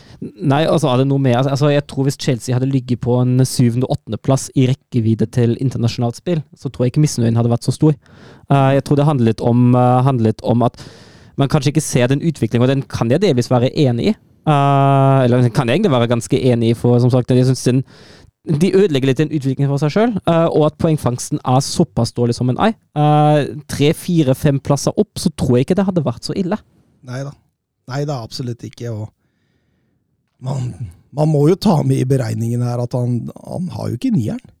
Nei da, han har en eier som er fullstendig blåst, så det er klart Han, han jobber litt motstrøms på enkelte områder. Eh, samtidig som han har nesten fått eh, Skal ikke si ubegrensa midler, da, for de henter jo nesten bare unggutter. Men de bruker mye penger, da, og det er jo det som gjør at presset kommer. og og at Chelsea uten Europa to år på rad, altså det høres jo nesten litt ut som utopi, men det er ikke bare Pochettinos skyld, altså. Absolutt ikke. Eh, vi må over til La Liga. Cap a la dreta per Xavi, assistència de Xavi més cap a la dreta per Messi, Messi, Messi, Messi, Messi, Messi, Messi, Messi, immens Messi, encara Messi, encara Messi, encara Messi, encara Messi, encara Messi, encara Messi, encara Messi, encara Messi, encara Messi, encara Messi, encara Messi, encara Messi, gol, gol, gol, gol, gol, gol, gol, gol, gol, gol, gol, gol, gol, gol, gol, gol, gol, gol, Vi begynner med Real Madrid mot Girona. Toppkampen i La Liga nummer én mot nummer to. Begge laga hadde kun ett tap så langt denne sesongen, og premissene var klare. Med Real Madrid-seier ville de få en luke. Med Girona-seier ville de ta seg forbi Real Madrid, og det blei en tidlig kalddusj. Ja. Det, det, det ble Altså, Girona går jo ut og, og har mye ball. Eh, Eller Real Madrid lar dem ja, ja, det er akkurat det. Ja, det er akkurat det. Real Madrid er jo superkomfortable i det de ligger. Mm. Uh, for Real Madrid sier hit og ikke lenger. Uh, det, det er helt tydelig at de låser av før siste tredjedel, og da kommer ikke Girona seg inn. Og da Da leder det ingen vei. Men når Real da er nesten så voksne, kan man si, eh, at de utnytter alt det rommet som Girona etterlater seg, da, da blir det jo tøft. og For et mål av det, det, Junior! det, det er nydelig, altså. altså. Og det er han sterk, altså. Men det er jo det er sånn, altså, I den kampen her så syns jeg han kommer veldig ofte i den rollen der han er sterkest. Han går ut bredt på kant, og så trekker han inn. Mm. Han ligger ikke i en, i en, uh, i en spissrolle, ja, ja. men han, han ligger, ligger på en måte på en kantrolle, kan, uh, kan spille på alt det han gjør. Altså, den skåringa er fantastisk. De to assistene han er, altså, det, det er jo så strålende. Og stakkars, stakkars Jan Koto. Ja. Han er involvert i alle fire mål og lager et straffespark attpåtil. Ja, for det hender heller eh, innimellom også at det er en, eh, en lang engelsk mann som, som kommer, kommer inn der og, og, og bistår eh, Vinicius junior. og det, det, det ser nesten ut som de to kunne spilt alene offensivt, og Girona hadde hatt problemer. Ja, det, i hvert fall den ene skåringa der, som er et dypt løp, og pasningen inn bak er perfekt vekta. Så det, er en skåring for, for glass og ramme, det der. Og, men jeg syns Bellingham er ganske toneangivende i den kampen, her, selv om Vinicius skiller seg litt ut fordi han er så spektakulær. da. Så er Bellingham han er liksom så solid. da. Han er liksom så jevn, hvis vi kan si det på den måten. Og det at han spiller i en, kall det en falsk nier, da. Eh, og, hev, og hevder seg der så bra som han gjør, da. Altså, Girona altså, Selv om ja, Girona har en del ball, jeg syns ikke de er i nærheten. Ja, Altså, nei, nei. De- altså Real Madrid spiller med Chuameni og Carvajal på stopperen, Ja, liksom. men de skaper ingen. Altså, stoppene blir jo nesten aldri satt på prøve heller. Nei. Det, det er jo altså Som sagt, de kommer seg, de kommer seg kanskje til, eh, til 30 meter foran boksen, og så sier stopp. Og det er, altså ble Bellingham skada, da, men øh, du ser den soliditeten nå. Jeg, altså, jeg har sagt at Real Madrid ikke er aktuelle for å vinne Champions League, men kan jaggu begynne å lure oss når de karnøfler eh, tidvis Atletico Madrid, selv om de ikke fikk med seg resultatet der. Så, og de feier over Girona eh, med de stoppera de har, så kan du jaggu begynne å lure, altså. Men jeg, jeg skjønner hvorfor du nevner Champions League nå, fordi jeg satt og tenkte Dette, dette er Real Madrid som de bruker å være i, i Champions League i viktige kamper hvor man må få et resultat. Det, det, det var så konsentrert, og de spiller på absolutt alle registre. Altså, Girona, Girona har for første gang denne sesongen sett små ut. De så, en, så ut som en nedrykkskandidat. Altså, det, det store spillere, Savio, uh, Sygankov, uh, Dovbyk uh, Riktignok litt sånn halvskada, tror jeg, men Ja, Jan Kotoa kan nevne han, han har vært bra i år, han òg. ja, men de, de så ut som filledokker. Mm. Altså, Real Madrid fikk gjøre akkurat hva de ville. Og uh, Så, så tror jeg altså den inngangen til Ancelotti altså Vi så det jo, altså de vant jo 3-0 borte mot uh, Girona òg. det var jo der Girona fikk sitt første tap denne sesongen. her. Um, det er litt sånn Den spillestilen som Girona har, den passer et Ancelotti-lag utmerket. Eh, med tanke på den soliditeten som, som Ancelotti har, så har de spillere som de har uh, på topp, uh, og kan utnytte akkurat de svakhetene som Girona spillestil medfører. ja, så den mangelen på tempo i bakre rekker der, da, den blei jo Ja, ble veldig synlig, og spesielt når Real Madrid la seg litt bak med vilje der, og, og bare venta på å smøre på vaselin, og så bare kjørte de på, altså. Kunne blitt 5-0 til og med, men uh, med Joselu uh, banker ballen i stolpen der på overtid fra straffemerket. Uh, Bra for Jan Koto. ja, stakkars, Ja, ass. Det- det- stakkars, det- Du så han gråt jo etter kampen. Ja, jeg skjønner det. Altså, men han er som sagt involvert i alle fire, Mm. og lager straff og alt det, så ja, fryktelig. Og med en så elendig prestasjon som Girona har her, så, så kommer jo spørsmålet fra Jakob og Hoff.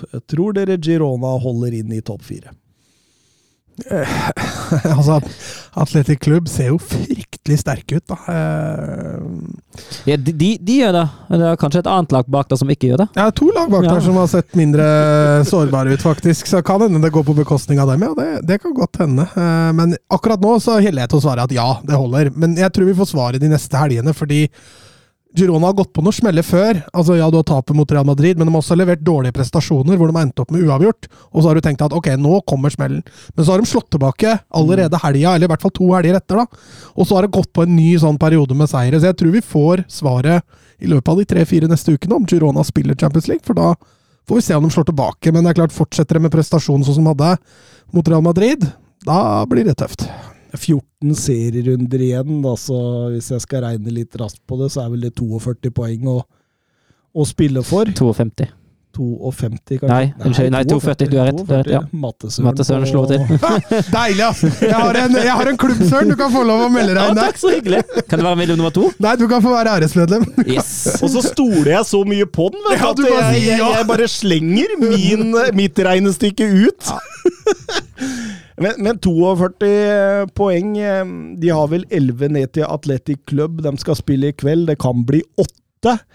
Det er jo ikke så stor, eh, stor avstand, men samtidig, det er, det er tre lag som skal forbi. Det er tre lag som skal forbi, og det er ikke sånn at formen på de andre er overbevisende heller.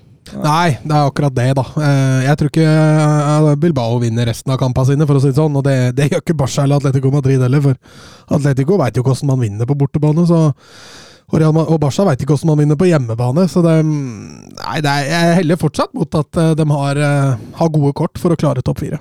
Men Tommy Nesland spør eh, topp fire i La Liga. Tar han, tar han fort søren, så går vi rundt bordet. De fire som var der da. Girona, Barcelona, Atletico og selvfølgelig Real. Mm. I den rekkefølgen. Nei, Real vinner. Real, Real Madrid nummer fire, ja. Det er helt riktig. Real vinner. Barcelona på andre, Girona tredje, Atletico fjerde. Ja. Mats? Ja, jeg syns det var frist å melde Barca som nummer to, altså. For det uh, Men jeg kan si meg enig med Søren. Mm. Så jeg kan være frisk, jeg kan være frisk og melde, ja. Jeg er ikke så langt unna der sjøl, så det, det, det, det, det får gå. Eh, vi, må, vi må over til eh, Sevilla mot eh, Atletico Madrid. Og der, der har de en lokal helt som skårer mål på bestilling, Søren. Ja, Isak. eh, Han, han unggutten som blir tatt opp fra andrelaget og, og, og ser ut til å redde Sevilla fra totalkollaps den sesongen her. For et eventyr han For et eventyr han lever. Og i den kampen her, eh, så er det nesten, nesten dårlig at han bare skårer ett, altså. Mm. Eh, Det er jo han som skårer seiersmålet, får en åpen heading etter et kvarter på, på kona. Og så altså, er jo Sevilla god på overganger der, ikke sant. Altså, han, har jo, han får jo nesten åpent mål to ganger til.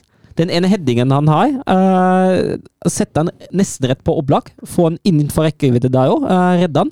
Og så er det jo en, uh, en god avslutning som han setter i stolpen når han blir spilt gjennom av for Campos. Uh, men han kunne fått hatt med ett mål òg. ja. Men på den andre der så har han litt flyt, for han bommer jo på ballen først. Mm. Som blir en perfekt demping. Mm. Og da får han plutselig tid til å sikte og skyte, og så treffer han utaleggeren. Så det var litt dårlig avslutning. Men, Jeg, jeg, jeg tenker, hør, hør nå. Eh, Er en annen toppspiss i dagens fotball eh, eh, som har opplevd litt av det samme som Isak Romero nå? Så Altså, et lag som underpresterer, så kommer det inn en ny trener, og så henter han opp på A-laget, og så leverer han fra, fra dag én. Husker dere det? Hvem det kan ha vært? Har du fasiten? Eh, ja, selvfølgelig har jeg det. Hvilken liga snakker vi? Premier League. Er det Harry Kane? Ja, Harry Kane, ja. Dette er helt eksakt. Han kom også inn. Tim Sherwood henta han opp fra, fra reservelaget. Han må inn og spille her. Åh, Ja, så og- stakkars Isak. Kommer til å gå til Bayern han, og fortsatt ikke vinne en dritt! Når han er 30! Ja, for sjansen å vinne noe i Sevilla nå, det er omtrent som Tottenham, Ja, men For Sevilla er det bare å melde seg på Audi Cup. De, Ja, det betyr, det betyr pokal, det er helt riktig. Tenk hvis Romero står med, med, med en Audi Cup i løpet av de seks-sju neste årene, men skårer bøttevis av mål. Og Sevilla blir konstant fire eller fem. Men er vi litt skuffa over Atletico Madrid der? eller? Ja, det, definitivt. Eh, det er mye ball, men det er lite kreativitet. Eh, jeg jeg syns, eh, syns de sliter voldsomt. Altså, de fleste angrep har stoppa enten ved at Morata står i offside, eller at man ikke får spilt seg gjennom. og den, den ene store sjansen Morata har rett før pause, kommer jo nesten, sånn tilfeldig, den òg. Det er sånn spretting og alt det der. Så jeg, jeg syns ikke at Atletico leverer en god offensiv kamp. Egentlig nok en gang, akkurat det samme som forrige uke. Og Grismann han er ikke den samme som han var før jul. Nei, han, eh, han har levert noen gode prestasjoner etter jul òg. Jeg syns han var strålende i, super, nei, i, Copa del Rey mot Real Madrid. Så var han jo fantastisk. Men eh, spesielt på bortebane. Det gjelder jo gjelder ikke bare Grismann. Altså, det skjer et eller annet med Atletico Madrid når de kommer på bortebane. Det blir noe det blir noe litt mer usikkert over det. De slipper til litt oftere enn det de gjør på hjemmebane, og, og skaper en litt mindre. og det Nå måtte jo Morata ut med noe som så ganske alvorlig ut. og de har liksom ingen klar nier bak han. Altså Angel Korea er ikke en klar nier. Depay er ikke en sånn klar nier. Så det skal bli spennende å se hvordan de løser de neste ukene uten Morata. Men det brenner litt på dass altså for Atletico. De kan ikke gå masse bortekamper uten å vinne på den tida som er igjen. Da ryker topp fire. altså. Samt, samtidig fint at Sevilla for en gangs skyld har litt marginer med seg. Eh, altså, sånn, det var jo et par-tre sjanser som Atletico hadde. Både Morata og Depay har jo to stykker i andre omgang for all det, men stort sett er det godt og kontrollert bak. De har brukbar kontroll, uh, men for tre-fire uker siden kunne jeg finne på å slippe inn både én og to på sånne tullemål. Man satt og venta på Ja, man gjorde det. Uh, så det, det, jeg synes det det, det er litt fortjent at de har marginer med seg i den kampen, og faktisk går seirende ut av det, altså. Det er gøy for Nyland òg. Mm. Er han tilbake? Det er vel sin tredje kamp etter skaden, eller sånn, og så, har de begynt å snu? og så har de begynt å snu. Fått litt trygghet bak det. Vi må over til Barcelona mot Granada. Granada har fått med seg ett poeng fra bortebane denne sesongen, og det var et Granada med eh, noe skadetrøbbel, spesielt defensivt, som møtte opp mot Barcelona, som selvfølgelig var store favoritter her. og eh, Når eh, Lamin Yamal setter 1-0 tidlig der, Mats, så, så tenker du at dette går veien. Ja, jeg syns også Barca åpna ganske kontrollert. Eh, slapp Granada til veldig lite. Ikke, de ga ikke muligheter til å bli kontra på, og, og ga ikke fra seg noen unødvendige dødballer heller. Eh, og når de da tar ledelsen der, så så, så det veldig bra ut. Eh, og så skjer et eller annet etter den skåringa. Eh, Granada dem, Det virker som man slipper seg litt lavere og overlater litt mer eh, initiativ til Granada. Da, da går det liksom litt sånn som det må gå, da. Eh, Barca ikke, har ikke den defensive tryggheten og, eh, Men du var vel inne på det sist, at eh, når man først prøver å angripe, da, så går det på bekostning av trygghet defensivt. Jeg syns det er kjempesynlig, den kampen her. Altså Cancelo én mot én defensivt, det er som en kjegle. Kan bare rusle forbi. Cubarci og Martinez har spilt Dette er første gang de spiller sammen, så, så relasjonene der er jo ikke-eksisterende. Du så nesten ut som Kondé var litt furten for at han må spille høyreback. Uh, og Ter Stegen var jo så rusten som det nesten går an å få bli. Ja, det, det I starten der så var jo Ter. Stegen eh, Granadas uh, Beste spiller, ja. beste Han burde hatt en assist eller tre, faktisk, til Mm. Granada der. Han gir jo bort ball etter ball der. Og, og spesielt etter skåringa så blir det bare synligere og synligere, og Piestri syns jeg bare står fram voldsomt der. Altså, han leker jo tidvis med Cancelo. Janteloven spør eh, Pelestri med mål og assist i en, en god kamp mot Barcelona. Bra for et eh, salg fra United, skriver han. ja.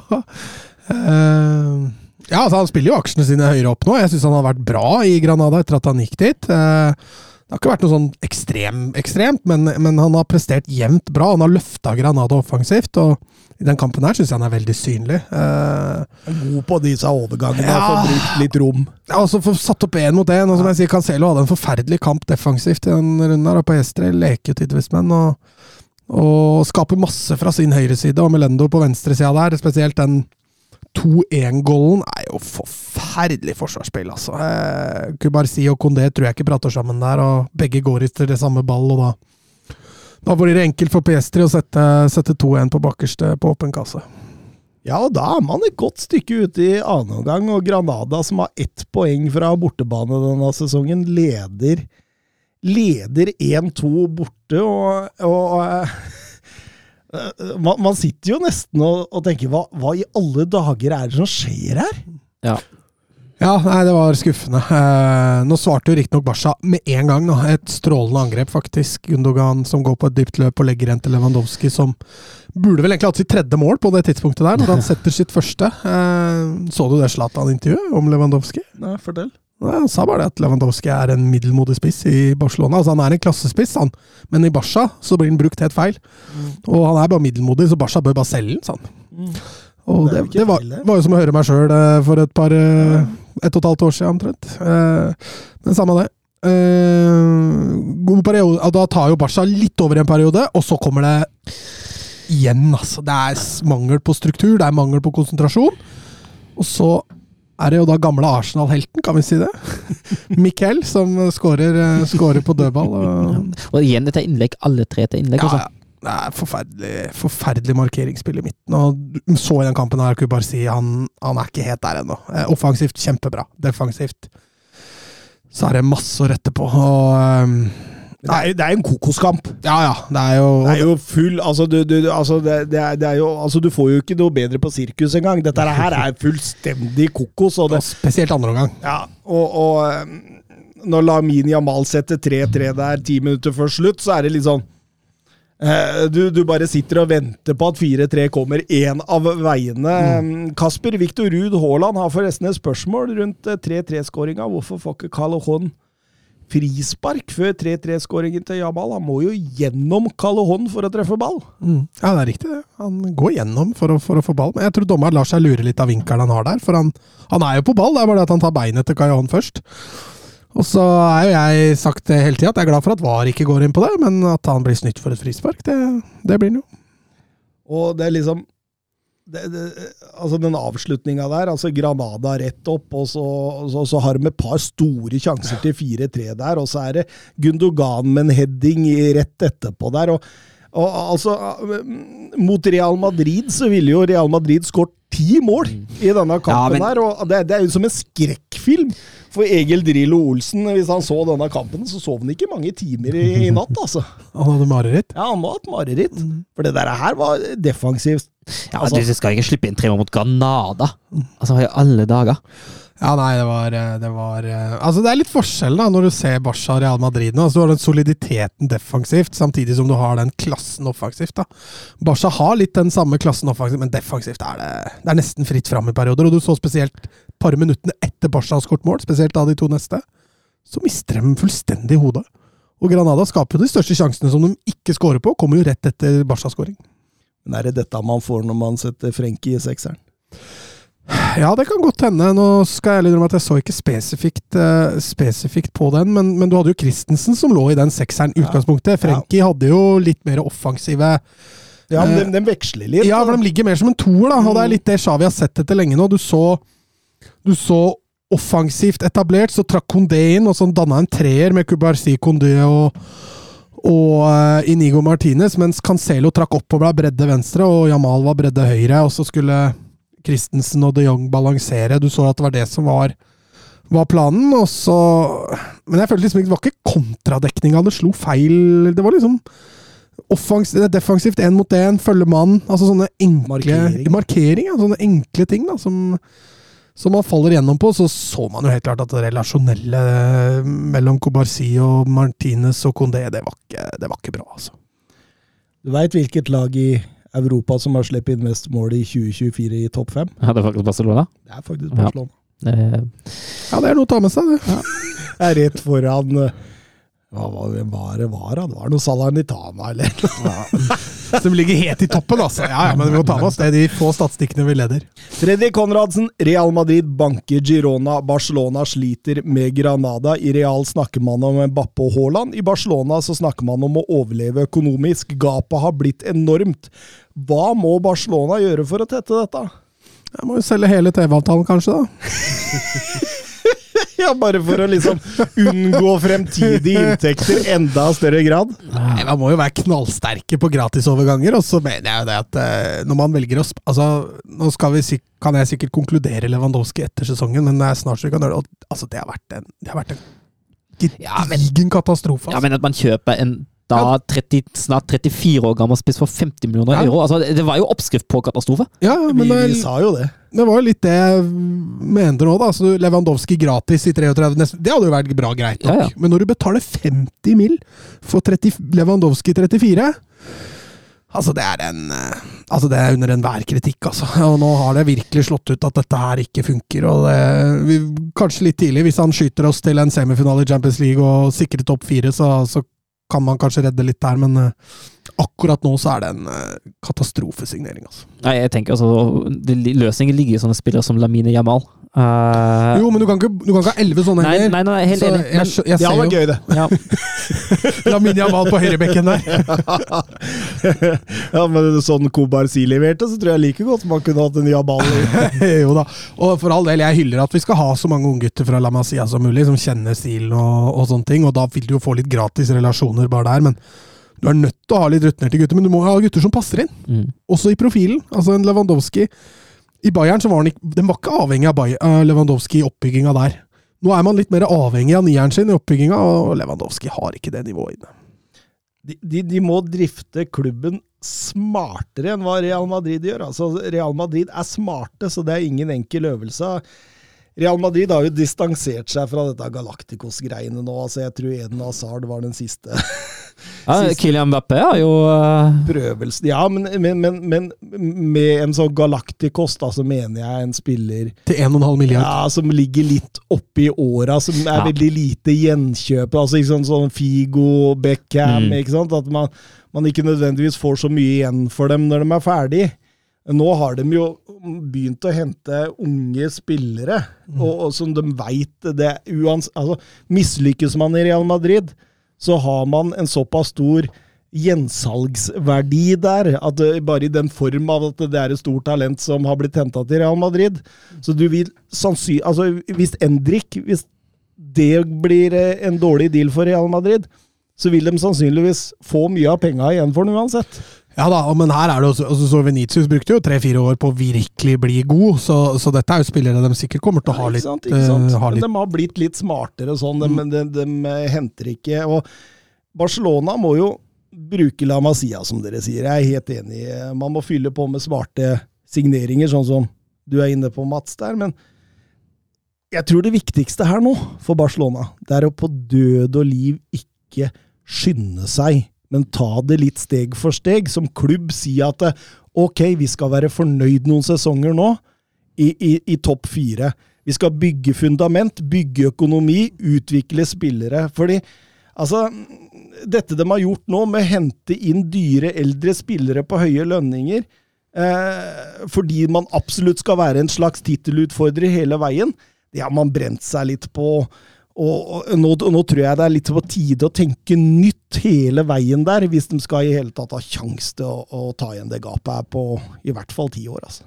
Ja, nei, de har, fått, eh, de har fått et stort gap der. De vant jo Barca sesongen allerede i fjor, da, så vi skal ikke, vi skal ikke glemme det, men uh, Nei, og med en ny trener, og plutselig ikke Ja, sant? Så, så- Fotball er ferskvare og Ja. den greia der. Ja, så det er ikke, det er ikke helt svart, men eh, akkurat nå så virker gapet veldig stort, da. Eh, og, og det er klart, Mbappe, Endrik altså Dette er klassespillere, altså. Så dem, eh, dem, gapet blir jo ikke mindre når de kommer inn, men eh, ja, jeg er litt enig. Jeg tror det handler om å kvitte seg med litt dødkjøtt, og så bare fylle på, og så får man heller bare ta det Jeg tror den jevne Barca-supporter er ganske fornøyd med andreplass. Hvis man ser utvikling og La Masia-produkter som bare kommer på løpende bånd, og sånne ting, så, så blir det mye entusiasme i Barca av den grunn, bare av det. Så eh, jeg tror de kan tjene en del på det, og så er det som du sier, da, den økonomien må man jo bare fortsette å jobbe inn. Der Bundesliga! Er macht ein richtig gutes Spiel. Jan Schimonek. Die Wolfsburger lassen so gut wie nichts zu. Grafit. Grafit gegen Lell. Jetzt wird's eine Demütigung. Guckt euch das an. Bist du verrückt? Bist du verrückt? Tor des Jahres. Die Bayern der Lächerlichkeit preisgegeben.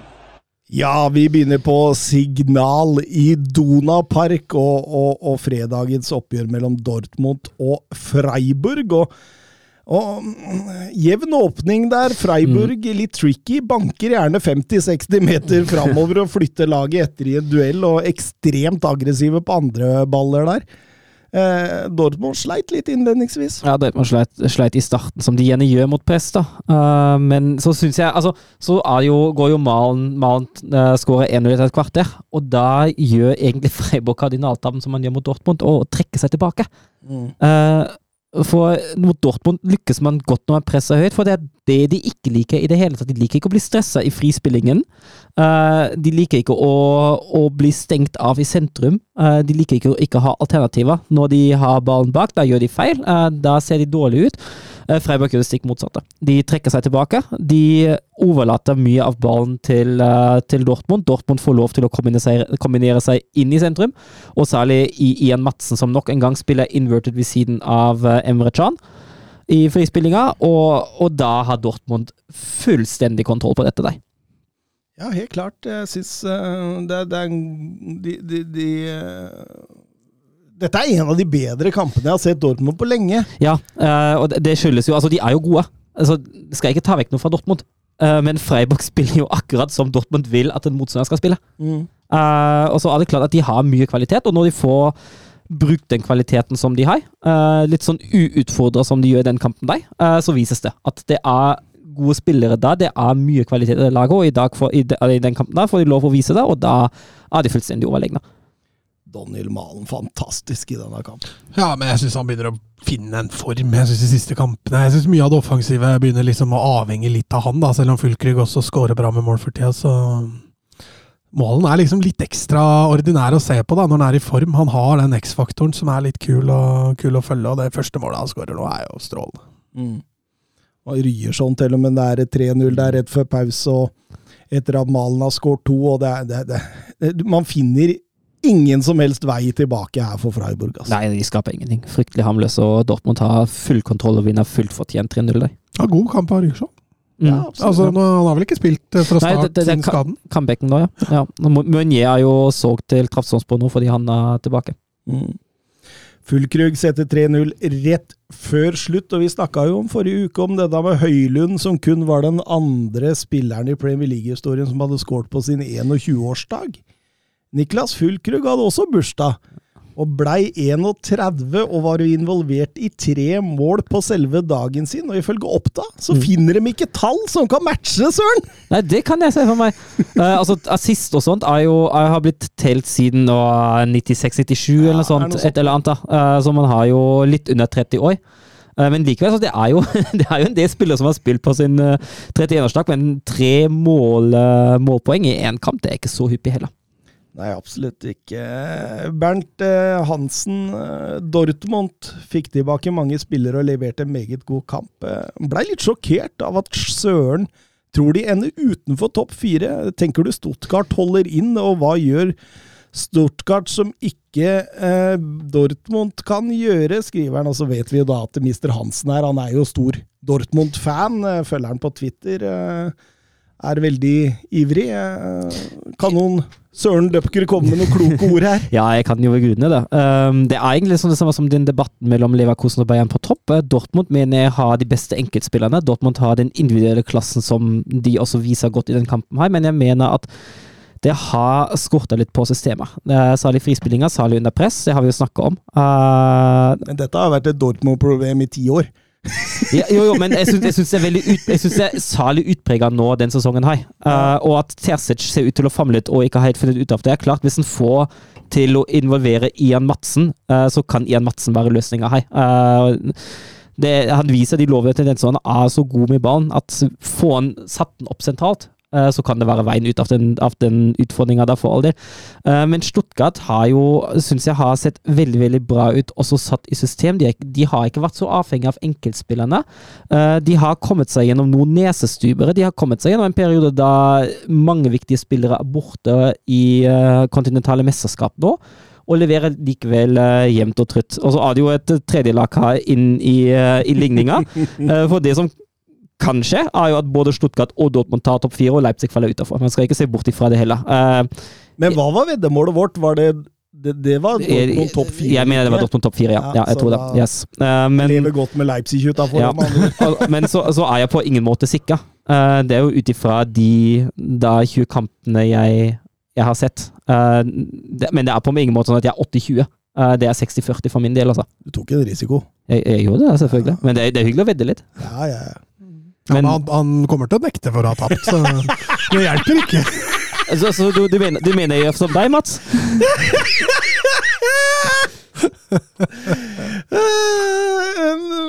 Eh, Raskt, Mats Høy går videre. Dortmund uh, inn i topp fire eller utenfor topp fire? Og du skal ha meg på en av sidene her, ja. Ja da. Uh, altså, det er, det er veldig trygt å si Dortmund topp fire. Uh, jeg føler jeg tar minst risiko der, altså. Ja, nei, men den er uh, mottatt. Vi går over til Augsburg mot uh, RB Leipzig. Ja, det var jo dette laget du sa kunne ende utafor topp fire. Selvfølgelig, de ligger tre poeng bak nå. og Dette er jo en kamp som de egentlig skal vinne, men man ser jo liksom det samme, ut, samme oppskrifta igjen. Uh, møter et aggressivt Augsburg-lag der. Uh, de presser dem godt. Um, men nå når, man, når Xavi og Olmo har stadig press på seg, og når de ikke får det, den plassen i mellomrommet der, så begynner Leipzig å slite litt. De finner ikke helt ut av det. Uh, Augsburg er veldig veldig gode til å være aggressive i sentrum, til å stenge av, til å forsvare seg smalt. Uh, til å være tett på Olmo, tett på vi. Og da skiter Leipzig offensivt. Uh, det, det som er beholdningen til Leipzig i den kampen offensivt, er jo innleggene som kommer. At de spiller seg utbredt, får litt rom der, og så slår de de innleggene, og så har jo damen en enorm redning. Ja, fy fader, eh, helt fantastisk. Og så har du, har du to skåringer som kommer på heading eh, etter innlegg. Eh, men jeg, jeg syns Råse må finne litt løsninger for motstandere som tetter sentrum såpass. For det har vært en gjenganger nå i, i mange kamper at uh, Mose har funnet ut at Xavi og Olmo Det er mye som skjer gjennom dem, og de låser vi av. Og der sliter Leipzig. Så det, det må Råse finne ut av. Ja, Så lenge det ikke er bakrom. Ja. Kanskje bruke opp enda. Ja. Mm. Ja, for Rosa han syns innimellom at han sliter litt med in game-coachinga, Mats. Ja da, han eh, Spesielt mot lag kanskje litt lavere, da, som man eh, ikke finner ut av. eh, Som man i utgangspunktet skal være bedre enn. Så, så har han liksom en sånn go to-move. altså Openda har jo blitt superviktig for dette laget her også. eh, Så, så hvis Leipzig ikke har bakrom, så er jeg litt enig med deg. Da sliter man litt med å finne ut av det. Men eh, Leipzig burde ha vunnet dette. Det er et straffespark som brennes her. Ja, uh, og Penda ti minutter før slutt. Damen redder den også. Uh, for en kamp han har hatt, Finn Damen også. Eh, i, Fin damen. Ja, det er så bra. Dra på sjekkeren og hete Finn Damen. det men, Spiller i hvert fall ikke på det andre laget da. men eh, enorm prestasjon av uh, Augsburgs keeper da redder dem ett poeng til slutt. Og Kjipt for Leipzig. De var skuffet etter kampen og var tydelige på at her skulle vi hatt alle tre. Man uh, kaster vårt to poeng i topp fire-kampen. der. Da kan vi bare lene oss tilbake og, og, og, og kose oss litt, fordi eh, vi skal gjennom Union Berlin mot uh, Wolfsburg. eh, Søren. Nei, det er ofte Har Niko Kovac fått spark? Du snakka om eh, før, uh, før sendinga her at nå var du forbanna, og det var på Schäfer? var det Ja, masse sportssjefen. Klubblegende, 17 år i klubben for all del, men eh, dette her går jo ikke mer. Dette er ikke, altså, det er ikke sånn man leder en fotballklubb. Det blir jo 1-0-tap mot Union nå, eh, selvfølgelig. Man vinner jo ikke fotballkamper lenger. To av de siste 15 i Bundesliga har Det er første tap i år, da. Mm. Hjelper ingenting når man bare har tatt fire poeng ut av fem kamper. Uh, Sju poeng foran kvalik nå. Jeg begynner å bli seriøst å bli redd nå. Eh, for Köln har begynt å ta litt poeng. Mainz eh, har sparka Jan Sivert som trener i dag. Vi får se hva som kommer inn der. Ryktene sier G19-treneren, hvis det er det som er tilfellet. Da får vi se, da. Men ehm, dette her er så dødt. Dette er så dødfødt. Og det sirkuset som skjer, så det er ikke en fotballklubb, det er et sirkus nå. Uh, nå er sjefen etter Hoffenheim-kampen, som var en finale, sjefen gått over er- vi skal fullføre sesongen med Kovac. Og så kommer det en kamp mot Union. Sa han det på norsk? Nei, han gjorde ikke det. og så det en kamp mot Union, og så, og så sitter han, sitter han på, på sånn uh, sportsprogram på tysk TV sånn klokka ti på kvelden. Uh, og sier jeg, vi får se, jeg må, jeg må um, bearbeide den kampen først. Eh, og, så går, og så går han ut nå, så er det neste kamp mot Dortmund han og plutselig enda en sånn finale for Kovac. Og jeg, og jeg fatter det ikke. Jeg fatter ikke hvordan han kan klamre seg så til en trener som, eh, som ikke leverer helt åpenbart. Altså, ja, sjefene er, er gode spillere, eh, i sommer, det er greit, det. Men alt som handler om strategisk, alt som handler om treneransettelse, alt som handler om å lede, og det å lede en fotballklubb, har vært under enhver kritikk. Og det, det, å hente et par gode spillere og satse på at dette har ordna seg, det kan du gjøre på nivå tre. Det er der han hører hjemme. Uh, og det smerter vel litt å si, for han er tross alt en klubblegende og har vunnet både cupgull og seriegull med klubben. Uh, fint, det, men han er åpenbart helt ubrukelig i jobben sin, og han bør erstattes uh, etter den sesongen her nå. Og jeg, jeg, jeg, er bare så altså, altså Nå er det egentlig bare å håpe at man ikke rykker ned. det er der det er. fra man har en man har en tropp som bør kjempe om topp fem, topp seks, hadde, hadde gått til Man håper at man ikke rykker ned fordi man nekta å sparke bremseklossen for suksessen. Jeg ser Union skårte 25 minutter på overtid av første omgang. Hva, hva, skjedde? Nei, det var protester. Uh, Union-supporterne kaster jo tennisballer pga. investoren. Uh, og da etter hvert fikk dommeren nok og leda lagene inn i garderoben etter sånn kvarter. Uh, og så Da ble jo klokka stoppa, og så kom uh, lagene ut igjen etter hvert. Og kampen fortsatte, og da begynte Vårsborg-supporterne å kaste tennisballer, og da var kamp på pause igjen. Uh, første omgang var blåst av, da var det 72 på klokka. Mm. Da var første omgang ferdig, og klokka var jeg vet ikke, fem allerede. Så de andre kampene i Bundesliga nærmet seg jo godt slutten. Ja, det blir slitsomt, det der supporter... Uh... De kaster jo alt mulig òg. Ja. Godterier og klesklyper og skolisser og det er ja, alt går. Så, så, sånne, sånne, små sånne gummiballer som spretter, sånne spretteballer. Ja. de er også gjerne altså, Det var en eller annen keeper som sto og triksa med dem. Jo, jo. Kobel. Kobel ja, altså, altså, det viktigste for dem er at de, de ønsker å vise at de kaster ting som ikke kan skade noen. Altså at de, de, de, Meningen er ikke at de skal skade noen eller, eller ødelegge noe. De kaster ikke ølflasker. Nei, nei, det, det, er jo ikke noe voldelig protest. Det handler jo om Bare ninjastjerner og sånn. om å vise sin misnøye mot, eh, mot, det som har skjedd i uh, Ligaforbundet. Mm. Nei, men det er bra, det. Vi skal over til uh, toppkampen uh, man egentlig hadde sett uh, frem imot i flere måneder nå. Datoen 10. februar. Den, den var merka av på kalenderen, og, og ja, så tidlig som i desember drev vi vel og snakka om den her i studio. En potensiell gullkamp. Eh, premissene klare. Leverkosen får en luke på fem poeng om de vinner. Bayern går forbi Leverkosen. Om de vinner, så sjelden har vi begrepet sekspoengskamp vært mer treffende, Mats. Ja det var eh, gode forutsetninger dette her for en, eh, for en strålende match. Og jeg må jo si at uh, den kampen her var jo Jeg gleda meg veldig. Uh, Bayern som som var liksom must win. Følte at det var liksom must win for Bayern, samtidig som Leverkosten kanskje hadde levd veldig fint med en uavgjort også. Eh, og samtidig Leverkosten det laget som har imponert meg mest offensivt, kanskje i alle toppligaene i år. Det har vært utrolig gøy å følge med på dem. Eh, så jeg syns Bayern får egentlig en god start. Mm. Men, mm. men, men, formasjonen til Tuchel her Ja, øh, han øh, Det var etterpåklokskap. Jeg syns han bomma på den. Uh, han, vi har jo snakket litt om det da, da de møtte Stuttgart, at han tatt veldig mye hensyn til Stuttgart. Mm. og da har det fungert. Men han gjør jo samme her. Han tar jo åpenbart hensyn til Alonso, prøver å speile med 3-4-3. bruker Bowie Uh, som venstreback, for da forventer at Frimpong skal komme med sitt tempo. Bowie har, har mye tempo nå, så han prøver å ha det som et motvåpen. Men så finter Alonso ham ut. Uh, for ja, mot ballen, mot ballen er det en, en 5-3-2 for all del, eller, ja. men med ballen går jo Alonso inn i en 4-2-3-1. og da havner man jo i en situasjon at Leverkosen nesten konstant har overtalt sentralt. Mm.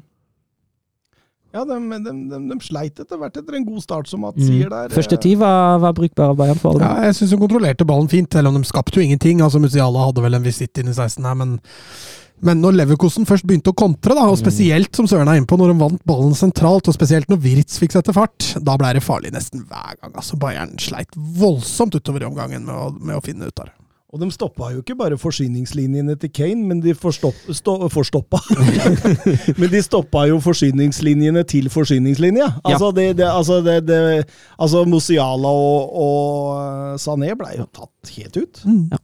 Ja, det var, Pasningsveiene ble stengt på en fremragende måte. De var, de var tette på. Presset presse i det sentrale området var, var enormt. Og samtidig, når Bayern presset dem, da, så viser de Altså, de vartet ved flere anledninger opp med eksemplarisk frispilling.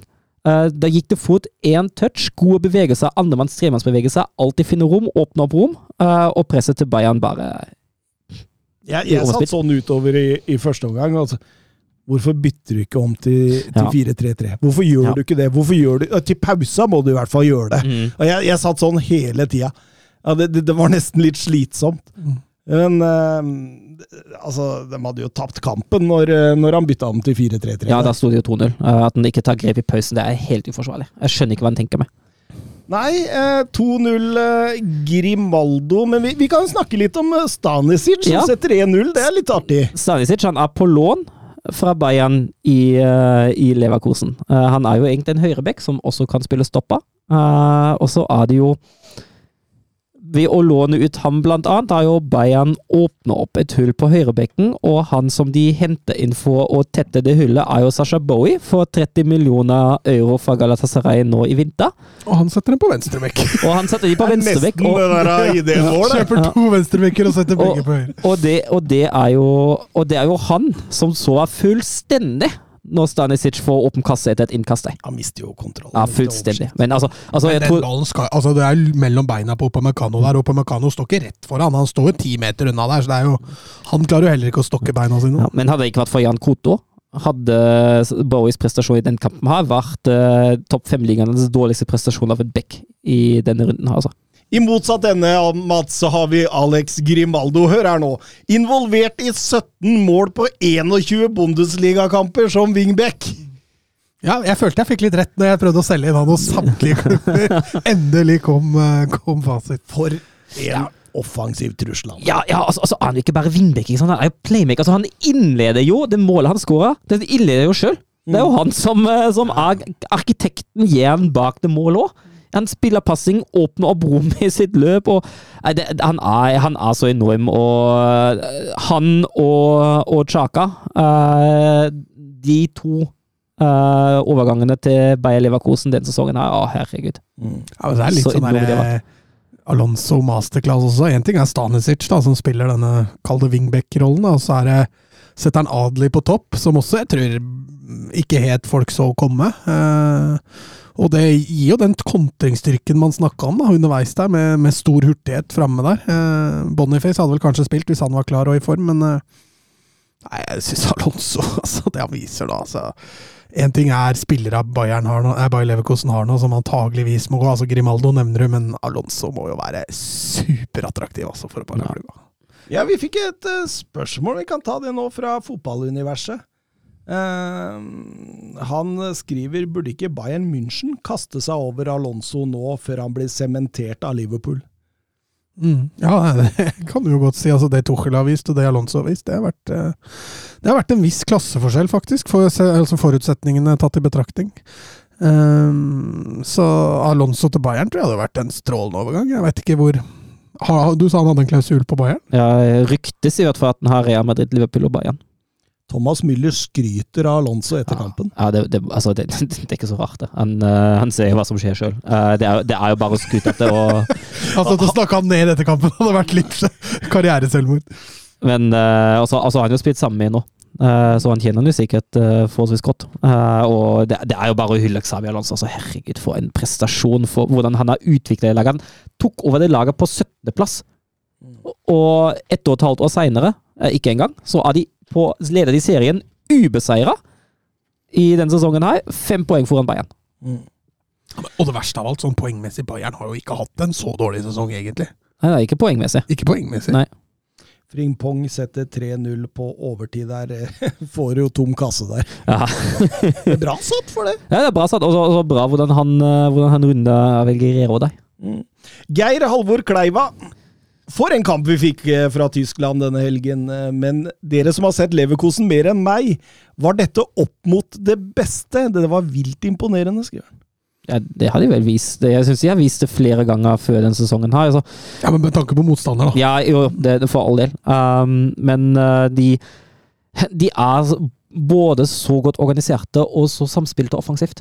Uh, og det, det er bare så enormt imponerende hvordan de går ut og dominere egentlig et hvilket som helst lag som de møter i banespill. Uh, og det er sånn som man, som man, man kan jo kritisere ofte sånn ballbesittende lag for at ja, ja, det er, det er mye, mye possession og, og, alt det der, men når det kommer til stykket, så er det ikke effektivt. Og det er jo ikke tilfellet her. Altså, det er ikke sånn at de har ballen, for å ha ballen. De, de skaper situasjoner mot etablert hele tida.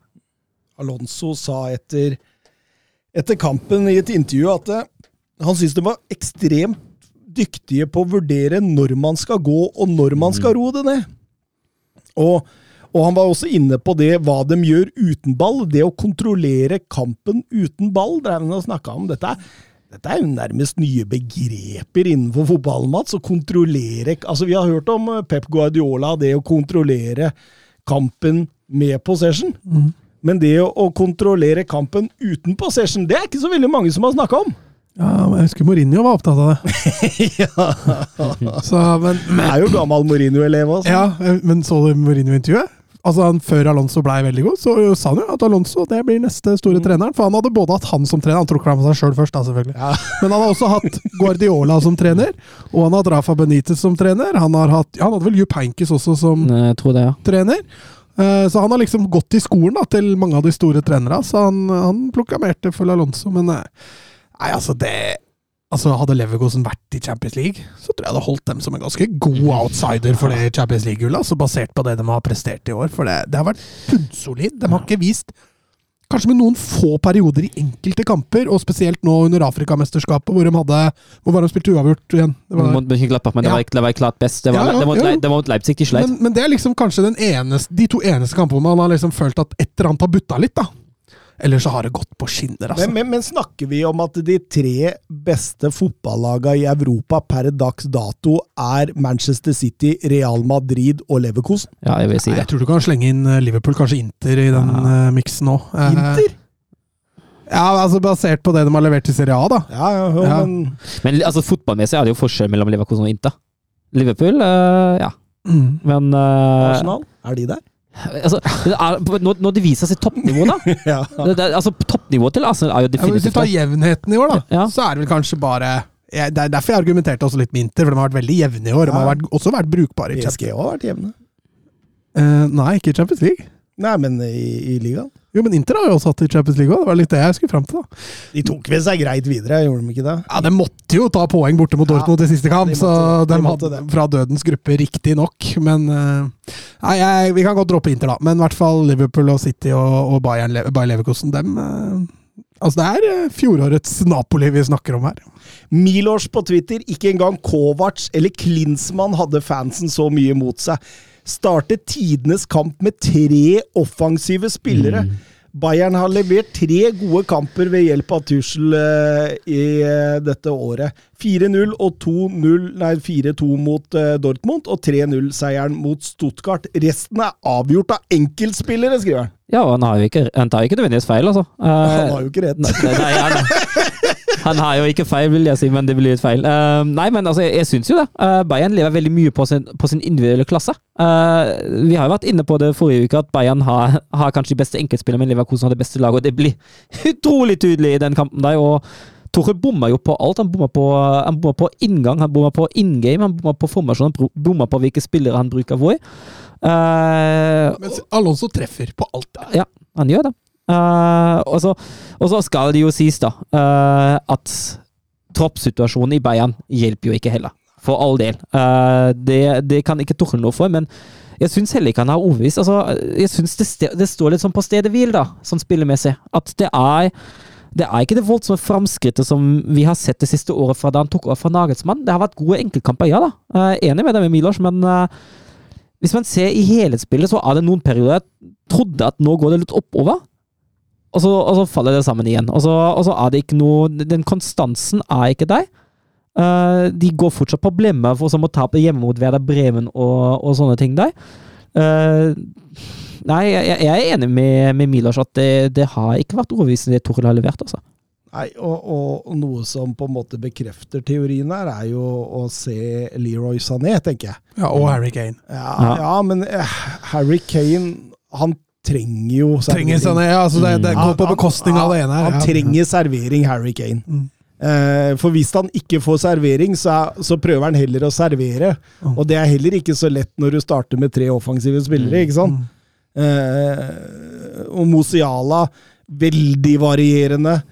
Eh, mm, jeg jeg syns kanskje man merker størst savn på litt mer gjennombruddskraft for tida i, i Bayern München. Da, og sånn Gnabry, Koma i, i storform kunne ha hjulpet mye på det offensive. Ja, ja og så hadde det hjulpet det også, fordi da hadde Sané vært ute nå. Uh, det, men det er ikke noe så særlig konkurranse der. Uh, Brian Saragosa han er tilbake i trening nå. Altså, ja. Så ser du det defensive. Ikke sant? Du har Sasha Boye Masraoui og Erik Dyer. Ikke sant? Altså det, Det lukter ikke svidd. nei, det gjør jo ikke det. Ikke er- en rusten Opamecano kan vi vel også si. Eh, Adrian Tømmernes, Bayern går 90 pluss uten å skape en sjanse omtrent. Tenker dere denne kampen viser at Bayern München ikke er favoritt i Champions League? Ja, det, det syns jeg, egentlig- det synes jeg egentlig litt sånn de siste ukene har vist òg. jeg syns ikke de siste ukene har vært overbevisende Ja, og tidligere Champions Ja, det, det, det er sant, jo. Ja, de har ikke akkurat Ja, men Bayern de gikk vel trygt videre der. Ja, Slo men- jo United et slo, par slo, ganger. Men de, de, slet, de slet noe voldsomt med Galatasaray òg, i begge kamper der, faktisk. Det er litt sånn Det er litt Real Madrid som kommer Bayern nå. Mm. Spesielt når det kommer til Champions League. Mm. Men hva er den største utfordringen din da, til Bayern, skriver Henland? det er den største. Uh, Ja, for du kunne nevnt mange, men hva er den største? uh, jeg vil jo si mangel på offensivt samspill. Eh, jeg Ja, da går du på det sportslige, for det er jo mye ja, altså hvis vi, hvis, å, ja, vi er på Trekker de store linjene her. Men er ikke det skåringa til Stanasic da, som er liksom Det, Det- det det, er- det er et det- glimrende bilde Ja, ja, på hvordan den det, det, drives. Og, og det er egentlig det, det at Bayern har Jeg vil nesten si at det har vært et problem at de har vunnet seriegull, så rart det høres ut. da, fordi det, det, det at de vant seriegull, da blir ting sånn halvhjerta. Altså, ja, man henter inn en Kane, ja, man henter inn en Kim, men man tar på en måte ikke helt tak i de store problemene. og man setter seg ned og skal rydde opp i sommer, og så blir ikke det gjort 100 ikke sant? Altså Den der, eh, den der eh, Task Force overgangsmarkedet, eller hva det nå het, de fem som satt der, de har gjort en halvhjerta jobb. Toril har mast og mast og mast, uh, men han ble ikke hørt. Og så, Så, så du intervjuet hans da han snakka om Erik Dyer? ja. Da, da, da fikk jeg det Altså, du skjønner jo han er frustrert når han sier ja, Erik Dyer han kan spille defensiv midtbane, han òg. Ja, ikke sant. Ja, ja. Altså, altså, altså, Torkel Torkel går jo tidlig, tidlig ut og sier at vi trenger defensiv midtbanespiller. Ja. Og Høne sier nei, nei, nei, nei, det trenger vi ikke. Og så finner de ut sånn tre dager før vinduet stenger at jo, det kan jo være greit å ha. Og så har man hele den Palinja-sagaen og, og hele sjappa. Det har vært så lite Bayern-like, og det hadde egentlig vært, hvis jeg ser på de store linjer, det hadde vært siden de vant Champions League i 2020. Siden da har de henta inn dårlige overganger. Altså, ja, de har truffet på, på noen år, for all del. Altså, det har ikke bare vært dårlig, men jeg har vært det inne, på, rart, inne på det det før. Mark, Roka, Bonasai og Eric Deia og altså, gudene veit. Altså, det har vært mye middelmådigheter som er så utypisk Bayern, og så er det ikke den profesjonaliteten som de har hatt før på overgangsmarkedet. Altså, som med Dragoshin, da.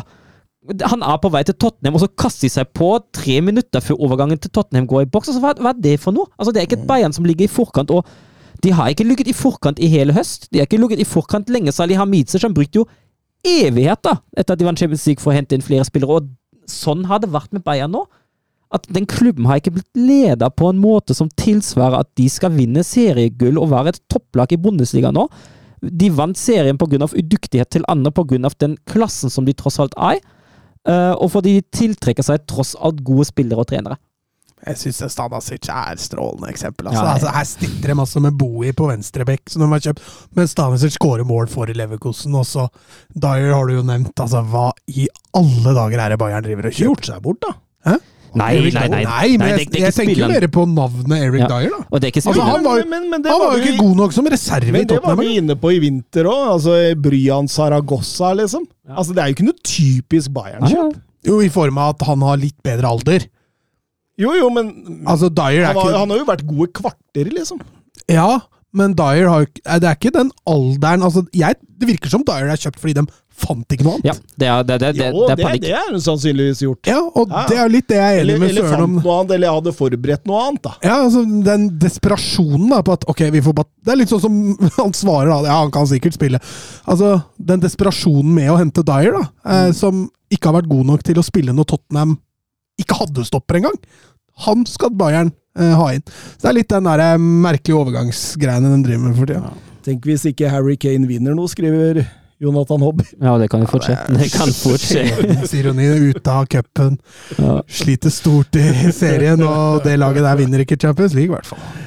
Stuttgart vinner 3-1 over eh, fortapte Mainz. Eh, Fullt fortjent. eh, litt sånn enkel, enkelt og grei sier det der. Og som sagt, Jan Sivert han har fått spark nå etter den kampen. Nei.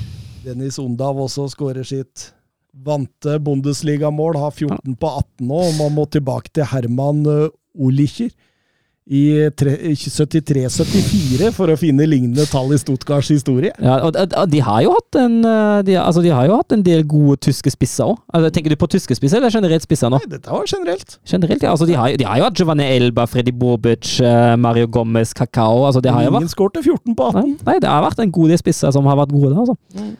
Eh, vi må ta med et siste spørsmål, for vi må haste videre. Klas Grønlien til og med i Frankfurt blir Donny van de Beek spist opp. Eh, Er ikke med i europatroppen deres nå.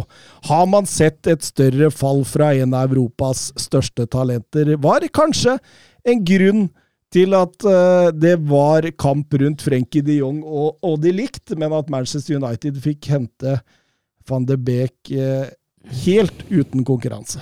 Ja, han har, han har spilt fire av fem kamper, ingen over fulle stans, og venter fortsatt på uh, sitt første målpoeng. for all det. Han har han har ikke gjort seg helt bort i Frankfurt heller, så ikke sånn at han har falt gjennom. Uh, men han har heller ikke vært sånn, sånn superbra og sånn nye, helt ok.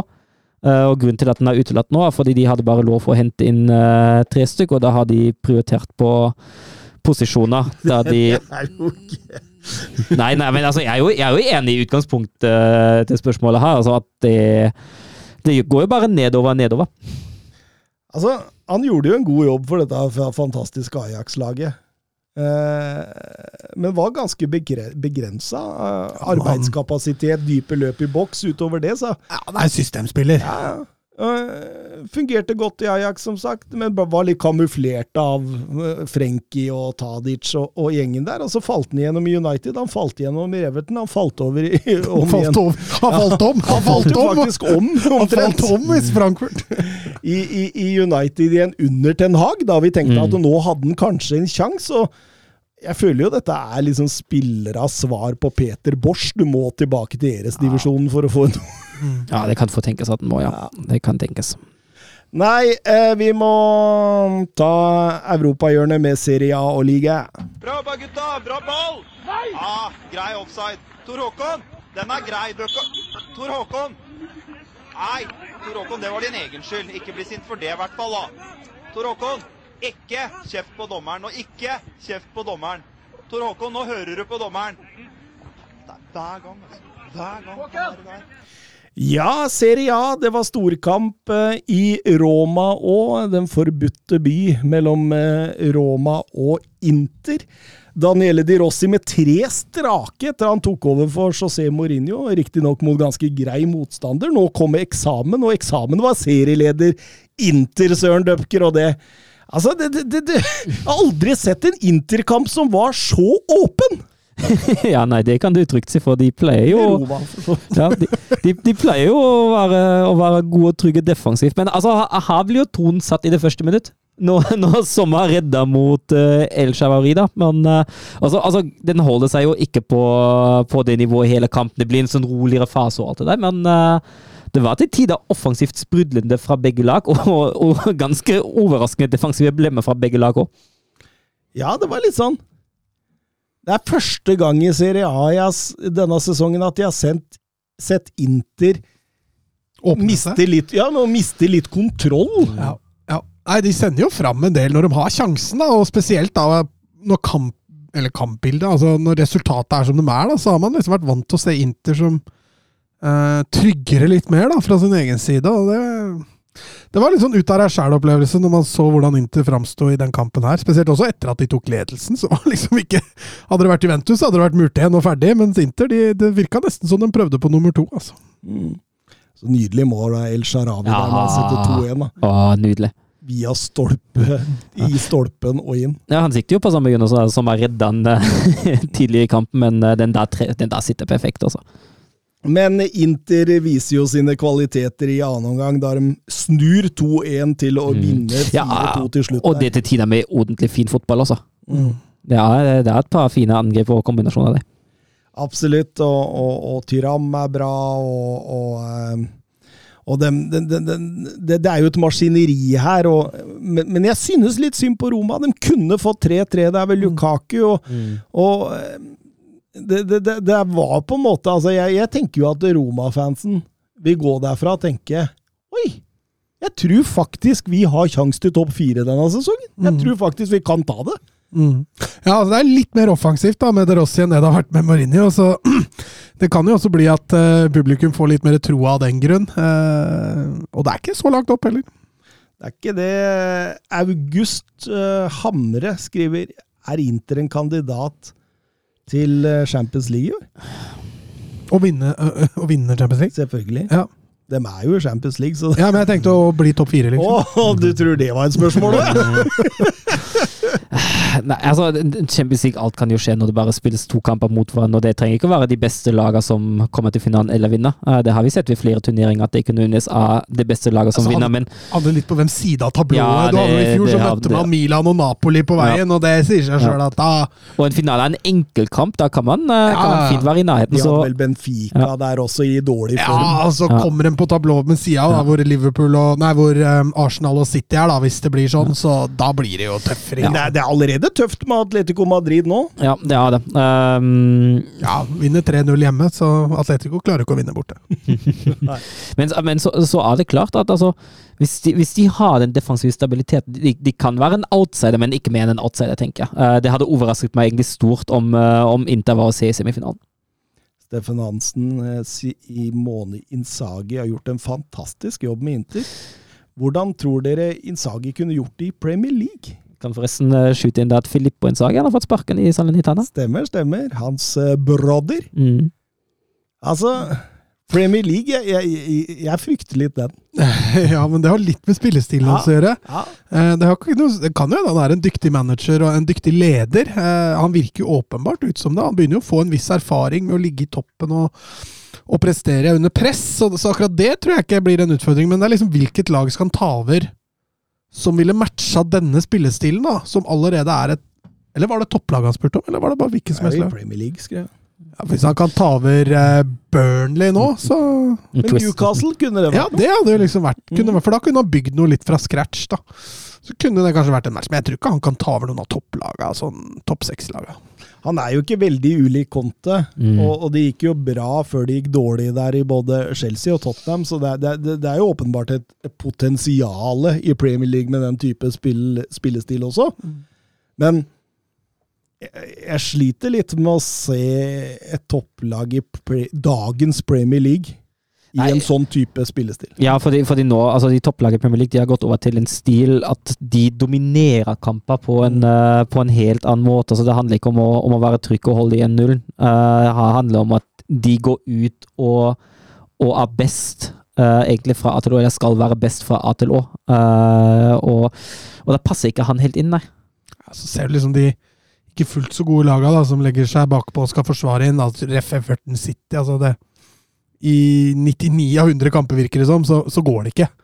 Og det blir litt samme her, da. Men, men det er klart, kommer han inn med en stall hvor det er en viss kvalitet, så kan det hende han kan klare å utrette noe uh, i løpet av en viss periode, men uh, Nei, jeg har ikke troa på at han skal lykkes i en toppklubb i Premier League. nei. Men er er ikke det litt fint at vi nå sitter her og snakker om at en defensiv manager egentlig skal inn i en toppklubb i Premier League? Det er ikke så mange år siden da de hadde stått litt i kø for han. Mm. Uh, at vi nå snakker om at de skal dominere, de skal spille offensiv fotball, uh, de skal være angrepsvillige. Det, det er en kul utvikling, da. Ja, det er en kul utvikling, og det er en utvikling eh, som du i hvert fall ser i Premier League. Og det det er jo en av de grunnene også til at man frykter litt det som skjer i Manchester United.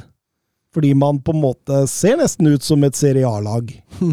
Eh, defensivt, brukbart, godt strukturert og, og, og kjører masse overganger. Så det Ja, nei, eh, morsomt. Eh, Milan vinner 1-0 over Napoli. En uh, Mazzarri her som uh, fortsetter å, ja, kan du si, eksperimentere med formasjoner. Kjører noen slags 3-5-1-1 for å, for å demme mot, mot uh, Milan. og, og ja, det ble en grei seier for AC Milan, dette. Ja, det ble det. Litt, litt uheldig på slutten. Polino Simic setter ballen i, i, egen stolpe i det 89., men uh, ikke ufortjent at Milan tar det her på ingen måte. Eh, Petter Halseth skriver bør Napoli bare holde på Mazzarri inn nå, eller er det en fordel å fyke han allerede nå? Jeg tenker altså, Hvis man, hvis man kan få tak i en manager som, som øker sjansen til å komme seg i topp fire, bør han fyke han. Uh, for forskjell mellom topp fire og ikke topp fire har ganske mye å si. Uh, både økonomisk, men også med tanke på hvilke spillere man kan tiltrekke seg. Uh, hvordan man stiller på overgangsmarkedet. jeg tenker at hvis man har en manager i sikte som gir gode sjanser for det, fyk den. Barcelona neste i, i, Champions League der, Mats. Ja, men jeg takker meg Jeg håper virkelig han blir til, til, til etter den kampen, for da levner jeg Barca en liten mulighet. eller en mulighet. ja. ja. Odinese, eller Juventus Odinese, starter omtrent akkurat nå. Uh, Fiorentina vinner 5-1 uh, eh, og varter opp med festfotball hjemme mot Frosinone. Og, Atalanta fortsetter å vinne, vinner 4-1 borte mot Genoa. Det lære nok en gang store, Mats. Ja, han blir jo bare større og større. ja, han gjør det, altså. Eh, hvis vi går over til league A, så, eh, så eh, var det toppkamp der også, mellom Paris Saint-Germain og, og Lille. Nummer én mot nummer fire på tabellen. Men dette Her var vi litt mer tilbake til et konsentrert PSG igjen, uten Altså, de hviler mange spillere fram mot Champions League nå. Ja. ja de tar litt forholdsregler. Uh, Ugarte uh, var vel kanskje den eneste sånn veldig faste der som, som starta offensivt, hvis vi kan si det på den måten. Eh, men samtidig som du er inne på, da. Eh, PSG har egentlig ganske god kontroll, og selv om de får en tøff start der, så svarer de fort. og da, da får de kampen litt inn i sitt spor, og selv om det bare er ett mål lenge der, så, så føler man ikke helt store trusselen fra Lill. altså. Og Søren, eh, du snakka om Sasha Boy, og du, du snakka om Jan Koto, men Alexandro Ribeiro ja. han, hadde, han, hadde, ikke noe voldsomt bedre Nei, han føyer seg godt inn i, i en rekke av backer som, eh, som, ikke har hatt en god helg, også. Eh, rote bort 1-1 eh, på, på egen hånd da, og er ikke noe særlig overbevisende resten av kampen heller, syns jeg. Eh, Fantastisk selvmål der. Åssen klarer han å skyte på egen keeper eh, der med ryggen mot, uh, mot mål? Nei, altså det er en fin, det er en fin avslutning. Setter han helt utakbart, da. Chevalier ser han bare går rett inn i hjørnet der. og og derfra ut av PSG god kontroll, ingen tvil om det. Kolomona Moani setter 3-1 mot slutten. Det var Barcola kom inn og var strålende! Ja, han var veldig god da han kom inn. Spilte seg inn i Champions League-laget, eller? Ja, det ser sånn ut. Ja, for en omgang han, han, hadde der når han kom inn, så det var, det var gøy. Og, og, og kon konsentrert ut, egentlig, vil jeg si, denne gangen. Nå har vi jo snakka om et par, par konsentrasjonsglipp utover i kampene her. Eh, Vebjørn Fredheim, gapet mellom PSG og utfordrere blir bare større og større. Vil dette være positivt når man går i sluttfasen i Champions League? Nei, jeg synes jo, altså, Kanskje positivt med tanke på at man kan hvile seg til seriegull. Eh, det er jo en positiv effekt, men den mangelen på konkurranse vi har snakka om den før, den er jo heller hemmende for eh, Champions League-sjansen til syvende og sist. Ja, for man får jo ikke den der ah, konkurransedyktige matchen. Nei, Man får ikke den kniven på strupen-følelsen at vi må, vi må prestere. Eh, på den annen side så har de jo den muligheten de gjør nå, da, hvor de kan rullere elleve mann uten å risikere noe som helst. Eh, så, så, det er litt plusser og minus, men vi har sett historisk, at eh, PSG lider under av å spille i liga. I forhold til Champions League, altså. Absolutely. Marseille Metz, det var en gammel Bodø-Glimt-spiss som fant nettmaskene for første gang for klubben der. Det var artig. Mm. Eh, men eh, det holder ikke til poeng, og, og Marseille kaster bort nye poeng og er inne i en grusom Altså, Champions League blir bare fjernere og fjernere for dem der. Ja, dessverre så, så har de ikke fått det til å Mombania, selv om han kommer fort i gang der, så er det verre for han Vålerenga-spissen Ah, første han gjør, er å knekke beinet, så det var, det var vel anspente penger. En annen ja, nordmann i anførselstegn, han ikke, spiller vel ikke for Norge, eller kan spille for Norge, men uh, Rashani han, uh, han fikk direkte rødt kort etter klammerier med, med brestkeeper Marco Bisott. Uh, situasjonen var helt sykt å se på. Altså, altså, det har vært en duell i feltet. Rashani-Bisot. Bisot han er under Rashani. Rashani klapper han liksom på hodet, liksom da 'kom deg opp', da. Mm. han ruller rundt og får Nei, nei altså Bissot han går rett i strupen på, på Rashani og slår den. Altså med en skikkelig uppercut opp i magen. Og, og dommeren kommer løpende til å gi to klare røde kort her, så Det var eh, artig situasjon derfra i Brest sitt eh, taper to poeng, de også, altså mot eh, Clermont Foot. Ingen tvil om det. Nistap taper mot Monaco. Nei, det, det var en, eh, en, omgang eh, for PSG. Nok en gang. Nok en gang. Mm. Og så skal vi ta med at Lyon er på vei ut av bunnstriden. Ja, de lå jo unna mot Montpellier, men klarer å snu det likevel borte uh, til en 2-1-seier. Det er jo sterkt. Og det ser ut som at pilene peker litt i, riktig vei, i rett vei nå, altså. Aker Adams fortsatt altså Nå blir det nedrykksstrid for han, altså. Mm. Det er fint å få solgt den allerede til sommeren. ja, han har jo ikke skåret en mål siden oktober nå snart, så det... eh, Til slutt, før vi runder av, eh, Filip Ringstad, dere snakka om skader for noen episoder siden. Men det er vel ikke rart det blir mye skader når spillere spiller 60 pluss eh, kamper hver sesong med mesterskap på sommerstid. Nå blir det også enda flere kamper i det nye oppsettet til Champions League. Spillere tåler jo ikke dette, skriver han.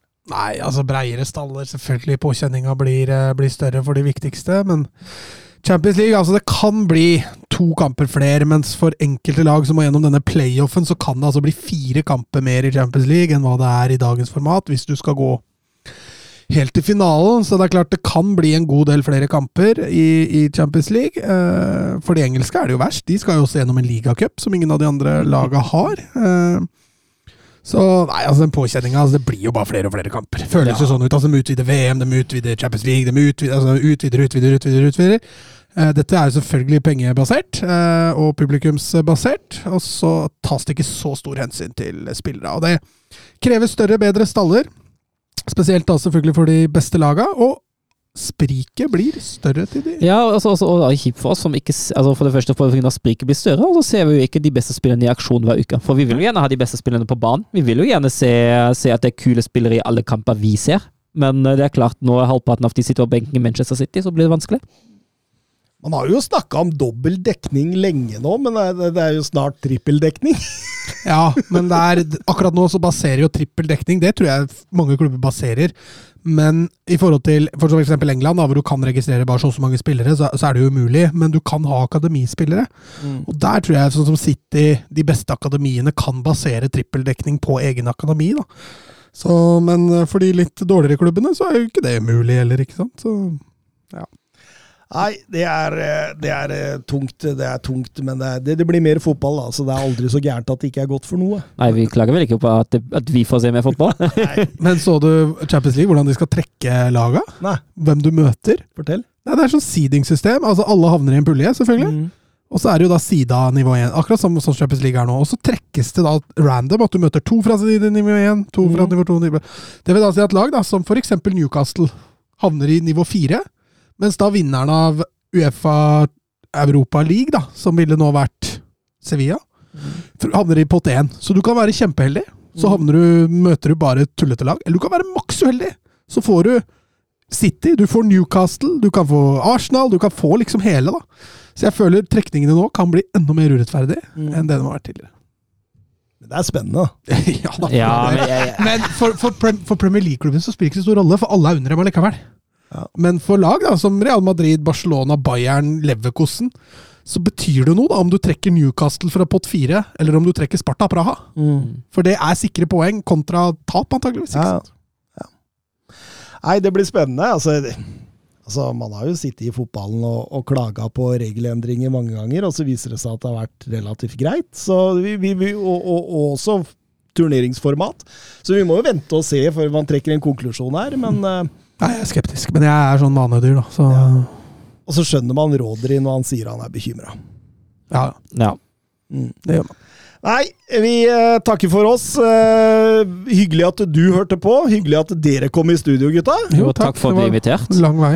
Nå skal du på trening, eh, Mats. Jeg begynte, å kle meg. ja, Vi, vi, og du skal Nei, vi spiller vel sånn fotball-tiktak da, gjør vi ikke? Ja, vi gjør det. Ja. Vi gjør det. Adjø. Adjø. Adjø. det.